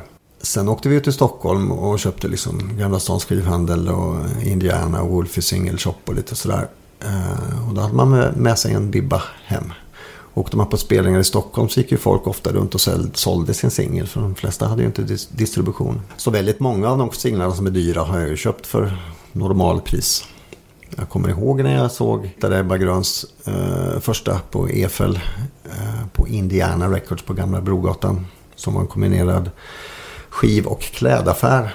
Då var det väl två, typ två backar eh, med singlar och så började jag bläddra där så skulle min kompis Åke gav sig in och såg att Ebba Grön stack upp där. Men då tyckte jag att det här är min back, här är jag som bläddrar. så den köpte jag för 19 spänn eller vad det nu kan ha varit. Eh, och det är väl 8000 nu eller någonting. Som sagt, jag trodde ju att jag hade det mesta. Tills jag började med boken. Så under många år så köpte jag ju liksom ingen direkt svensk punk. Jag har ju köpt mycket sen. 2002 tror jag började med, med Nyvågboken då. Så där någonstans så. Men har det varit några av de grejerna som, som var så obskyra så att du inte visste om dem från början, som har varit riktigt dyra? Alternativt svåra att hitta? Jo, nej men jag hade inte Bad Bo Band. Det var en av de som jag kände till då. Knulla i Bangkok. Um, men jag hamnade ju ganska bra, jag har haft lite nytta av eh, att jag har gjort de här böckerna. För man fick ju bra kontakt med, med vissa medlemmar. Så ibland har man fått skivor billigt eller för någon symbolisk summa. Ibland till och med fått dem gratis. För att de tycker att jag gör ett bra jobb. Så lite nytta har jag haft så också. Men jag försöker ju att inte, jag, jag vill att det ska vara roligt att samla skivor. Och det är inte så kul att lägga 8000 på en singel känner jag. Så att eh, då låter jag det faktiskt hellre vara och hoppas att det ska dyka upp senare då. Mycket pengar blir det ju alldeles för mycket. Men, Men vilka har varit de, vilka var de sista som, som du var på jakt efter? Nej, men mest har det handlat om att hitta den, de sista varianterna. Ja. ja, det är på den nivån. Eh, så. Bland det sista jag fått tag i, fast det är inte riktigt hela sanningen, Butterutter som vi nämnde. De flesta skivorna kom utan omslag men så gjorde medlemmarna några omslag. Kanske som de sålde till sina kompisar. Ja, så gjorde en annan medlem ett, ett annat omslag. Så jag fick ett nykopierat, omslag av ett av de här ganska nyligen. Eh, av en av medlemmarna. Men då, var ja, men då är det ändå legit. Ja, men så nära som det kan i alla fall. Men då, då var ju problemet att då hade jag ju då måste jag ha en singel till det omslaget. så var jag tvungen att lägga 1500 spänn på att köpa ett ex till av Butterutter singel. Ja, för du kunde inte ba bara ha den omslag. med omslag. Inte bara ett omslag. Okej, okay, jag tänkte att du hade, hade den utan omslag och behövde ha en Nej. utan omslag och en med omslag. Nej, jag hade ju ett ex med ett av omslagen innan då. Och så fick jag ett omslag till. Och jag förstår, jag förstår. Till det. Nej, men det är en och annan som... Jag letade länge efter ett band som hette Bo och Holger från Klippan igen. En helt galen låt som heter Ambulansen kommer. Jag menar, jag försöker ju inte vara en alldeles för tjatig sådär. Men man ringde ju till massa folk som hade varit inblandade i Klippanbanden. Och jag tänkte att det kunde stå ett extra ex någonstans. Eller någon som inte ville ha det längre eller sådär. Men eh, den tog rätt lång tid innan jag hittade ett Stockholmsband som heter The Tables kommer jag också ihåg att jag letade länge efter. En samlings-LP från Värnamo som heter Åminne Punkfiesta. Och helt hopplös att hitta också. Då kände jag ändå en kille vars fru kom från Värnamo. Eh, som eh, kände flera av de här bandmedlemmarna. Och eh, till slut så fick jag tag i ett ex utan omslag. Men det är ju inte riktigt, räcker ju inte riktigt. Så då gjorde jag faktiskt, jag har inte gjort så mycket så, men jag slängde faktiskt ut en grej på Blocket. Då hörde det av sig en tjej och sa att hon jobbade på en eh, sån här loppis Stadsmissionen eller någonting i Värnamo. Och att den där skivan hade kommit in. Och jag blev jätteglad. Jag frågade om vad hon ville ha. Hon sa 300 spänn. Och då blev jag ännu gladare. Så jag skickade in 300 spänn till henne. Och, eh, men det kom ingen skiva. Men vi hade pratat i telefon. Så att eh, via Eniro återigen då så hittade jag henne. Men hon svarade aldrig, aldrig på telefon. Det blir en lång historia det här. Så till slut så skrev jag ett brev. För via Eniro så fick jag också hennes adress. Och bara någon dag efter det här brevet eh, hade kommit fram så blev jag uppringd av en kvinna som berättade att hon var personlig assistent åt den här tjejen. Och att de brukade göra sådana här saker. Så att den här kvinnan fick eh, städa upp efter. Mm. Så hon hade ju ingen skiva. Det var ju bara liksom, hon fick en idé när hon såg den där Blocket-annonsen. Jag fick tillbaka de 300 spännen. till, slut, till slut så fick jag ju tag i den där skivan via eh, Stefan Renström på Trash Palace då. För två och ett halvt. Och då, det känner vi igen. Och då, men i stort sett, jag tror det ligger ett ex, eller låg ett ex alldeles nyss på, på eh, Tradera. Jag har faktiskt inte kollat vad den gick för, men eh, den har ju hamnat i, i den prisklassen i alla fall tror jag. Det snackas ju mycket om Vicious Visions 7 som är en av de dyrare. Eh, också som är, är det 100 10x eller någonting annat. Ja, 101 eller 105 ja. eller vad det nu är. Finns det något annat svenskt som är så här fånigt liten upplaga? Om man säger Vicious Vision först så trodde jag, de flesta trodde ju länge att den, länge att den kom 82. Men det konstateras ju att den kom till och med hösten 83. Och eh, då kunde jag släppa den och låta den vara eftersom eh, jag försöker samla. Jag köper skivor efter 82 också men eh, det är 77 till 82 som jag försöker få komplett. Var det en stor lättnad? Ja, lite så var det ju faktiskt. Liten upplaga. Vad heter den här Framför flötet? Framför flötet, den är också senare då. Ja, den är ett litet mysterium. Eh, men det är väl 84-85 någonting eller? Ja, det kanske är. Det kom ju en ny pressning för något år sedan då via Ken Rock. Men eftersom den är senare så har jag inte riktigt forskat och kollat. Den tror jag det finns i 5X eller något sånt där. Testpressar. Är bara så? Oriiginalet alltså. Ja, var det bara så? Ja, det kanske var några eh, mer. Venerias finns ju. Eller De Venerias. Eh, det är också en historia för sig då. Ett band som eh, inte hade några pengar men vill göra en singel. De hyrde in sig på MNVs studio i Vaxholm eh, och skulle betala senare. De eh, lyckades få testpressningar från Polar eller vad det nu var. Men när det kom till att pressa skivor så ville ju Polar ha, ha pengar först. Och det hade de ju inga. Så att i det fallet så finns det, eller fanns det bara fem testpressningar. Och det finns väl bara ett känt ex tror jag. Som eh, en skivhandlare i Stockholm fick in. Eh, och betalade ganska bra för. Har jag fått höra till eh, den som kom in med det. Eh, men det exet gick för 19,5 enligt vad jag har hört. Och jag vet inte vem som äger det för den ville tydligen vara hemlig på det. För de två bandmedlemmar som jag har haft kontakt med, de blev väl av med sina ex testpressningar 81 typ. Bytte mot en folköl någonstans. Ja, typ. eller bara liksom slarvat bort någonstans inom flytt eller något. Ja, eh, vi var inne på ditt skivsamlande. Vi funderade lite om det fanns någon speciell platta som, eh, som har varit extra svår eller få tag på eller om det är någon omständighet som har gjort att du får tag på någon skiva Eh, på villovägar eller så. Jo, jag har ett par eh, exempel på det. En är en singel som jag letade rätt länge efter. Ett band från Stockholm som heter Gyllene Divor. Som gjorde en singel som heter Ni har ingen tunnelbana. Eh, och vid ett tillfälle så var jag inne på Nostalgipalatset i Stockholm. Gick fram till disken och frågade har ni någon skojig udda punk, svensk punk eh, inne någonstans? Och då drar han fram en låda precis där han står eh, och lägger upp ett ex av den. Och säger att de precis hade fått in den och att han inte var prismärkt än. Men ja, kan du lägga 1500 så får du den. Once in a lifetime. Precis, vad häftigt. Och sen har jag en grej som jag brukar dra som är lite speciell. Eh, en singel som jag fick, fick reda på ganska sent. I Munka Ljungby så gjordes det en split-singel med två band. Rondgång och T-turban. Så släppte en singel i 300X. Eh, det var ganska sent i eh, nivågproduktionen eh, där. Och jag fick tag i en kille i ett av banden. Men han hade inte den här singeln tillgänglig. Men han tipsade om en av de andra medlemmarna. Och jag fick kontakt med honom. Han lovade att fixa. Och det var någonting som jag vande mig vid när jag gjorde Nivågboken. Det var att vänta på saker som folk skulle fixa. typ skicka saker eller vad det nu kan ha varit. Så det gick väl några veckor. Eh, en månad kanske. Hände ingenting. Jag försöker inte tjata för mycket. Man vill inte vara en tjat, tjatig människa så. Eh, en lördag kommer jag ihåg att det var. Så ringde den här killen som jag pratade med först från Munka Ljungby. Och berättade att killen som eh, han hade hänvisat mig till hade omkommit i en bilolycka. Han hade varit ute och, och övningskört med sin son. Och de hade kört rakt in i en eh, laggårdsvägg. Och eh, han hade omkommit då, pappan. På måndagen så låg skivan i eh, min brevlåda. Så han hade postat den strax innan. Shit. Den är lite ruggig sådär. Ja, verkligen. Eh, jag kan inte tänka på någonting annat när jag tar fram den singeln. Förstår du? Jag tänkte också på hur...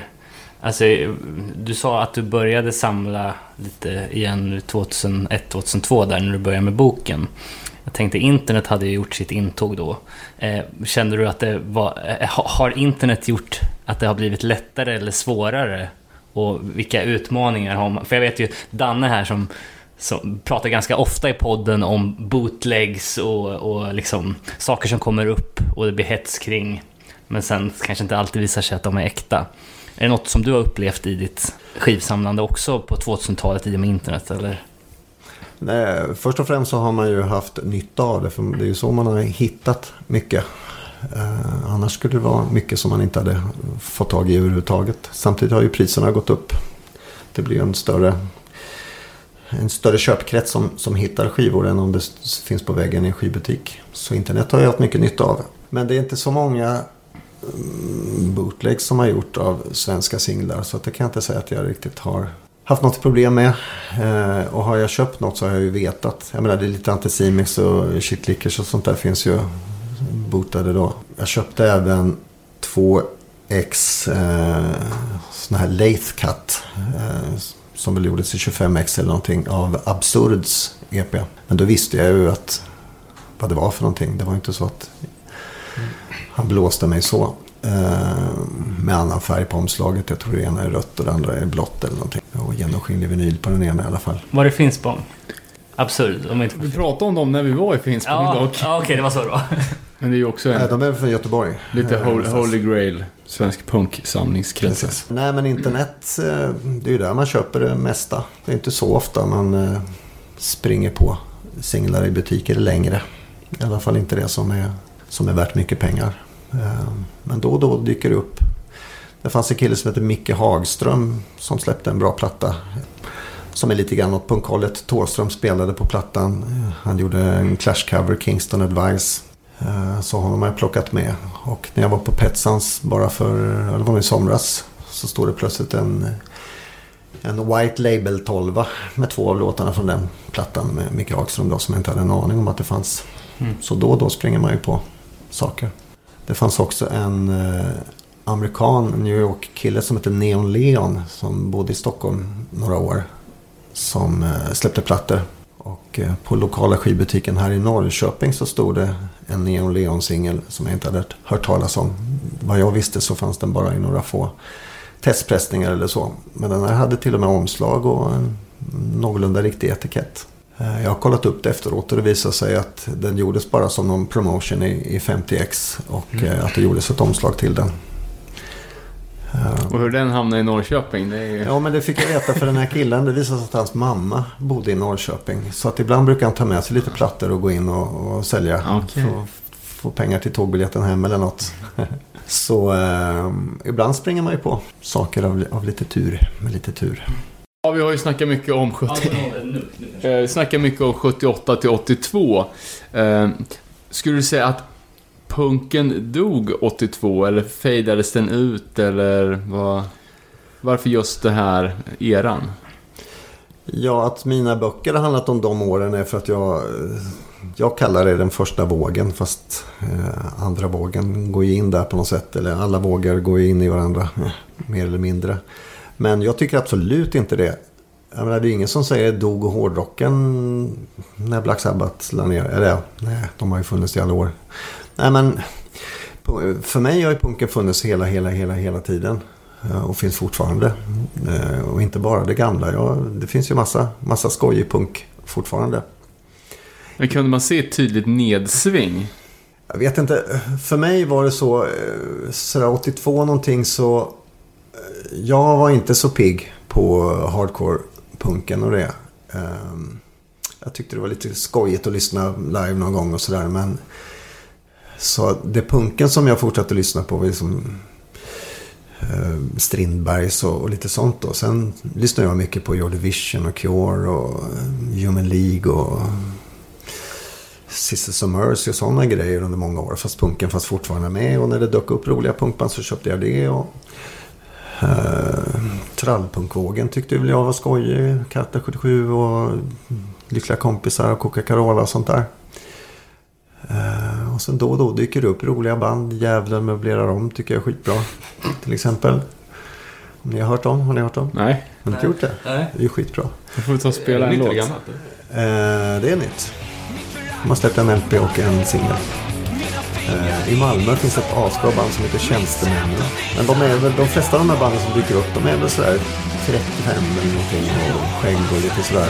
Eh, så det är sällan det, det kommer eh, unga som spelar punk som, som jag vill ha den.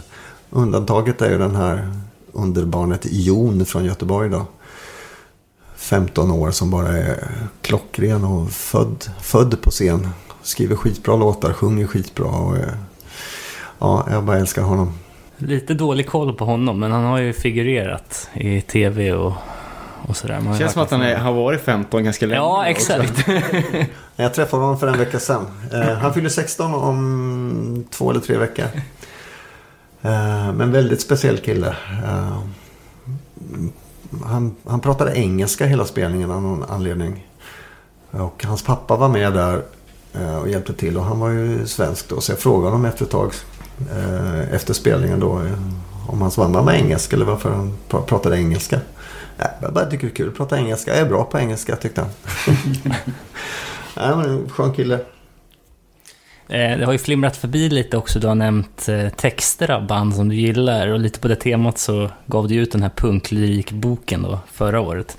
Eh, är det någon, och det är också slående ska jag säga, när man tittar tillbaks på banden från den här tiden, att det är en väldigt idérik och uppfinning, alltså det är nästan så här, vad ska man säga, böjelser av bandnamn och texter som är man kan garva åt, liksom. det är så här finurligt. Liksom. Men har du några så favorittexter från, från, från band från den eran som, som du vill lyfta fram? Liksom? Eller det gör du väl i boken, men... ja, men det, det, är också svårt. Det jag sa förut, att det är liksom mängden som är häftig också. Jag har sagt den här boken Punktlyrik då, den består av ungefär 100 band, 160 olika texter. Och på något sätt skulle jag nästan kunna byta ut alla 160. Och ändå att jag skulle tycka att boken skulle bli nästan lika bra. Okej.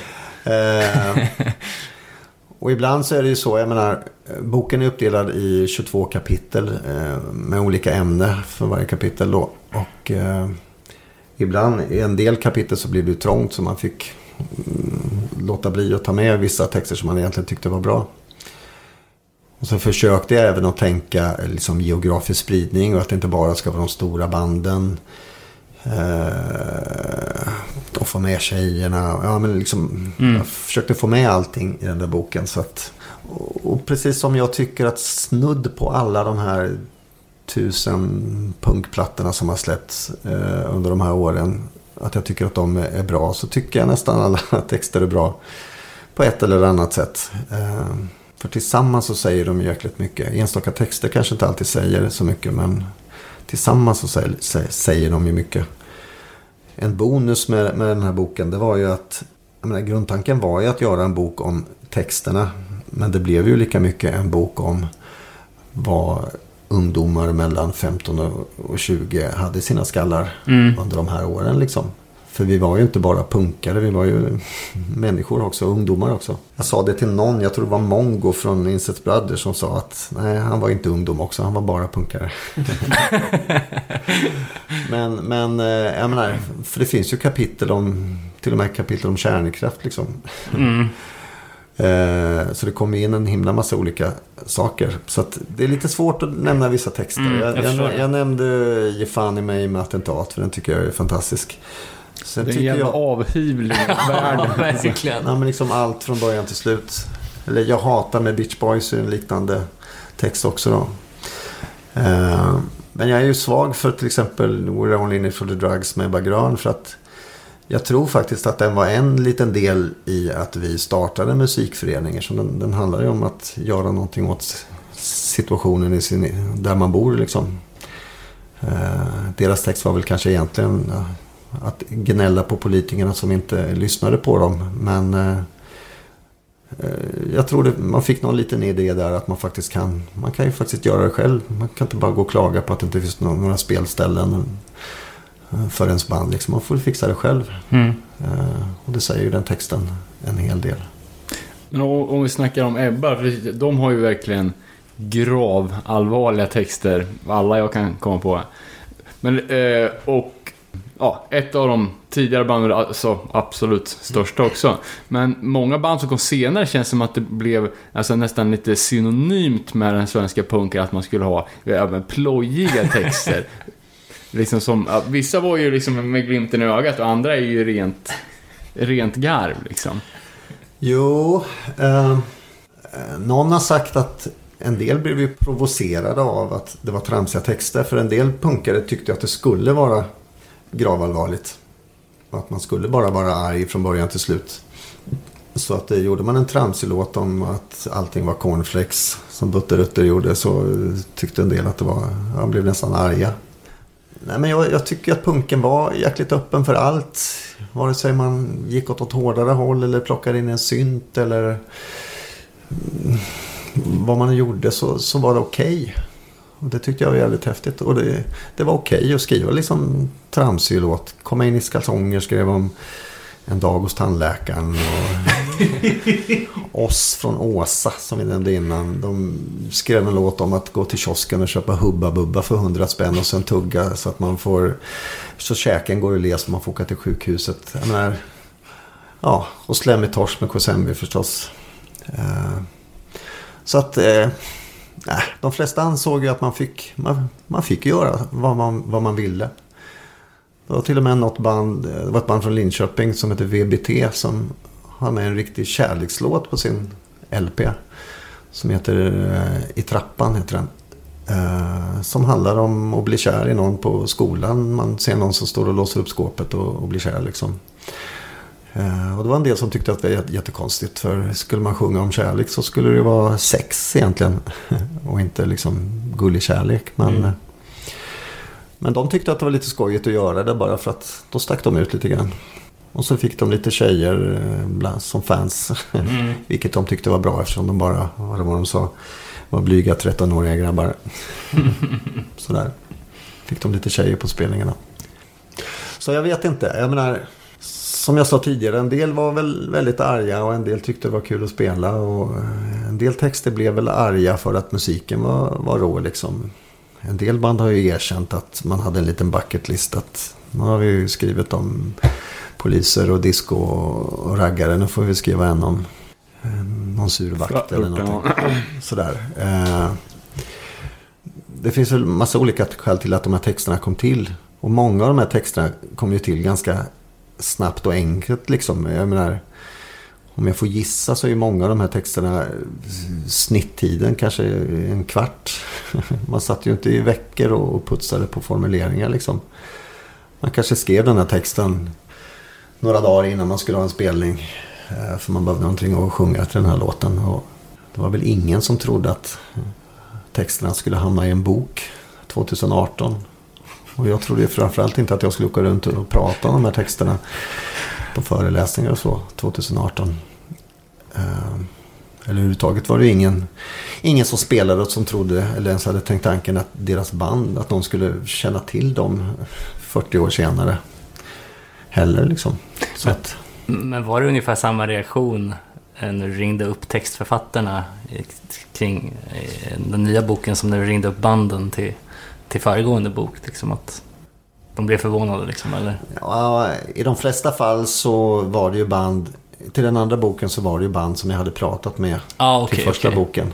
Så att det var väl inga riktiga överraskningar då. Det kanske inte var helt säkert att jag hade pratat med just textförfattaren första gången. Men Nej. de visste ju att de hade hamnat i boken eh, och så.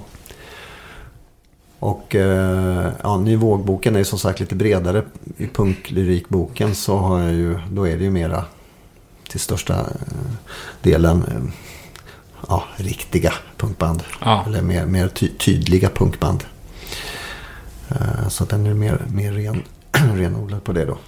Mm.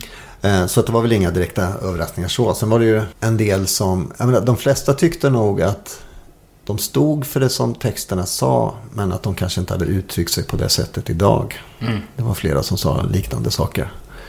Men att i grund och botten så sympatiserade de med den här 17-åringen som skrev den och den texten. Men att de kanske hade uttryckt sig på ett annorlunda sätt eh, idag. Och så var det väl någon medlem som i stort sett skämdes för någon text. Eh, men då försökte jag förklara att allt som man gjorde som 15-16-åring kan man väl inte tycka är okej som drygt 50-åring. Så att eh, då kunde man ju skriva det i texten om, om den texten. Att eh, ibland så, så utvecklas man ju och ångrar kanske sätt att tryck, uttrycka sig. Mm. Ja, exakt. Ja, man vet ju själv hur, hur man kunde uttrycka sig i den åldern. Det var inte alltid så genomtänkt. Men, men, då, men då förstår jag det nästan som att en del av, av grundjobbet inför punklyrikboken ändå var gjort då i samband med Ny Våg. Ja, kontakterna fanns ju till, till största delen. Ja. Och var det någon, om de hänvisade till, ja men det var inte jag som skrev texten utan det var han, så hade Ja. de ju oftast eh, kontaktuppgifter. Så att det var ju inte alls samma, samma tidsåtgång då. Eh, jag jobbade väl i typ två, två och ett halvt år med den boken eller någonting. Ja, okej. Det var min förfråga nämligen om du drog igång med den direkt efter att den andra boken var klar eller blev det en liten...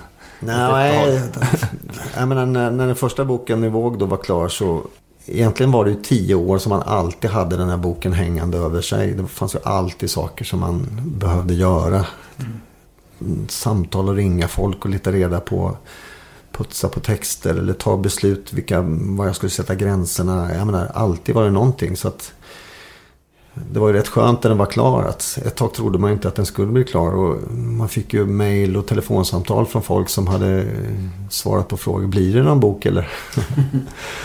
så. Eh, som inte annat så för den skull. Det var aldrig så att, att det såg ut som att det aldrig skulle bli något. Men som sagt, det, det tog ju några år längre än vad jag trodde. Så då tänkte man väl att när boken var, var klar att eh, ja, men nu kan man ju Nu kan man bara ta, bara ta, bara ta, ta, ta det lugnt och kolla på tv om man bara slappa lyssna på skivor där man inte hade hunnit innan. Men efter något år så började man känna att fasen var kul att skriva någonting mer. Och det jag också brukar säga att har man släppt en bok så har man släppt en bok. Har man släppt två böcker så kan man ju kanske kalla sig författare. Och det lät ju ganska tufft. Men då funderade jag på vad jag skulle göra. Många tyckte att jag skulle göra liksom svensk punk usch, 83 och framåt. Men eh, som jag sa tidigare så jag var inte, jag var inte inne på hardcore-punken riktigt. Så jag tror inte jag hade hittat, hittat eh, energin till att, att göra det. Jag hoppas ju verkligen att någon gör det. det. Jag hör då och då att folk börjar men jag vet inte om det är någon som slutför det. Men boken måste ju skrivas. Förstås. Men så jag började fundera på lite andra sätt och folk kommer väl med tips. Sådär. Någon tyckte, men skriv om punkmodet. Men det var rätt ointressant. Eller var väldigt ointressant för mig. Men eh, då dök upp den här idén med texterna. För att texterna var ju rätt svåra att höra på skiva. Och ännu svårare live då förstås. Och jag hade ju favoritlåtar där jag inte visste vad, vad som sjöngs. Jag älskar en låt som heter Das Jazz med massmedia.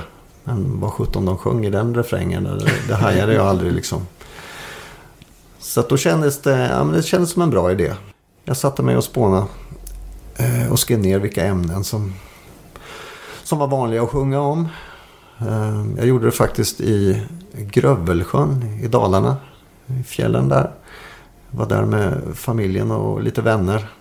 Eh, och så skulle det göras en dagsutflykt. Och då stannade jag kvar med papper och penna. Och, och började skriva ner de här sakerna. Och skriva in tänkbara låtar som skulle kunna vara med i de kapitlen då. Så när jag kom hem så fyllde jag på och började fundera och sen ta kontakt. Jag visste ju inte om folk ville prata om sina gamla texter överhuvudtaget.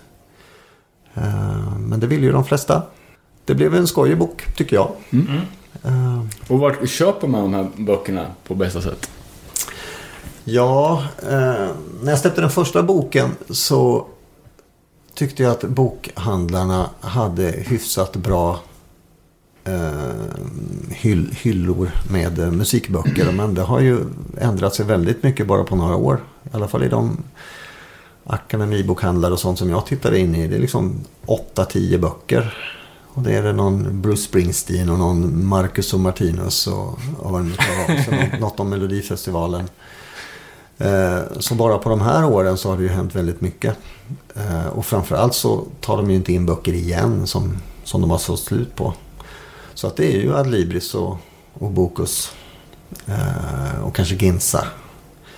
Brukar också ta in musikböcker. Var det att första bloggen sålde slut på några timmar? Eller? Nej, 12, 12 dagar. 12 dagar. Eh, ja, första boken då, Nyvåg. Och det berodde väl bland annat på Jan Gradvall hade ett helt uppslag i Aftonbladet eh, om den. Eh, precis innan den släpptes. Och jag var med i Nyhetsmorgon i TV4 samma helg.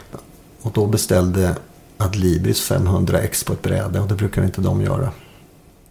Fick jag veta. Och sen så, ja, då vaknade väl alla andra också. Eh, så det gick fort. Och det var ju inte vad man ville egentligen. För helt plötsligt så blev det ju tre, fyra veckor där det inte fanns någon bok att beställa längre. Den fanns ju kvar i vissa bokhandlare då. Men, eh, och då gjordes det en andra upplaga då med mjuk, mjuk pärm och, och utan CD. Vi hade ju bara tillstånd att göra CDn i, i eh, de första exen då. Och den CDn, om man ska ta den nu, det är, det är kört liksom? Ja, eh, ja det är det ju. Jag Köpa originalsinglarna. Ta en efter en bara. Precis, det är bara att beta av. Eller ja, CDn till den första boken består ju till största delen av eh, outgivna låtar. Så det är det är ännu värre. Ännu värre. Än, ännu värre, ja. Eh, ja, nej, ja, det gick ju så jäkla fort där. Jag hade, hade jag varit smart hade jag ju sett till att köpa på mig 50 x liksom. Men helt plötsligt så fanns det inte så mycket x kvar. Eh, så jag fick väl upp något tiotal från förlaget liksom. Jag har tre ex kvar. Jag vet inte riktigt vad ska de till men eh, jag gav ett ex till Tåström för ett par år sedan. Eh, det var sista chansen att få med honom i punklyrikboken men eh, eh, jag träffade honom och han, eh, jag känner hans gitarrist Pelle Ostler. Så när han spelade i Norrköping, Tåström då, så lyckades jag ta mig in i låsen. Eh, och när Thåström fattade vem jag var, för jag hade via hans manager försökt få honom att och medverka till punktlyrikboken. Men han tycker ju inte om att prata om sina gamla texter. Eh, men när han fick reda på att, att det var jag som hade jagat honom så eh, satte han sig i soffan och säkert en halvtimme pratade om varför han inte ville prata om sina texter. Och han sa att han var jäkligt stolt för allt vad Ebba har betytt och vad de gjorde och sådär. Men han själv tyckte ju inte att hans texter blev bra förrän en bit i, in i imperiet-tiden. Och han har ju alltid haft lite emot att prata om, eh, om Rågsved och allt. Nu gjorde han ju det mycket i eran tv-serien då ändå. Men det var väl någon gammal kompis som hade gjort den där serien tror jag. Så det var väl därför.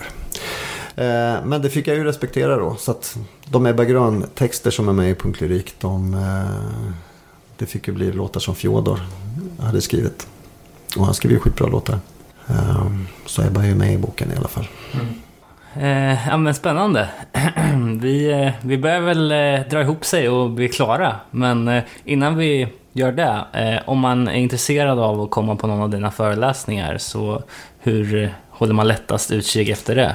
Ja, det är lite olika typer av arrangemang. Ibland är det bibliotek, ibland är det kulturföreningar. Så att bli vän med mig på Facebook höll jag på att säga. Det är väl det bästa då. För där brukar jag ju lägga ut info. Annars är det ju svårt. Vårt, mitt förlag lägger väl ut ibland. Men eh, där kanske inte alla är, är hela tiden. Vad heter förlaget? Premium Publishing. Just det. De var ju väldigt hjälpsamma ska jag säga i den här etableringen av kontakten. Så det, det var, det, de kan vi skicka en push för. ja, jag har bara gott att säga om dem verkligen. Jag eh, ville inte ligga någon annanstans. Så jag försökte inte ens att hitta någonting annat. Premium släpper då alltså bara musikrelaterade böcker. Jag vet inte om de närmar sig hundra utgivna böcker i alla möjliga, på alla möjliga sätt. Eh, ett stort kunnande, ett jättestort intresse. Eh, och de har gjort ett jättebra jobb med de här böckerna. Så att jag blev jätteglad när jag blev presenterad för eh, förlagets VD i en skivbutik i Solna. Eh, och att vi bestämde eh, en träff. Vilket utmynnade i först Nyvågboken då och sen även Punktlyrik. Och som ganska nyligen inköpare av Nyvågboken, eller i år i alla fall, så kan jag säga att båda finns ju tillgängliga på Adlibris, så det är där man ska kolla då, om man är sugen på att köpa böckerna. Mm. Eh, vi brukar ju också be alla våra gäster om en önskelåt så här på slutet att gå ut på. Har du någon låt som du... Nej, men jag har ju babblat om Tuppjuck här. Eh, så Tuppjuck. Jag vill må bra minst varannan dag. Grymt. Tack så jättemycket Peter för att du var med. Tack så jättemycket för att jag fick vara med.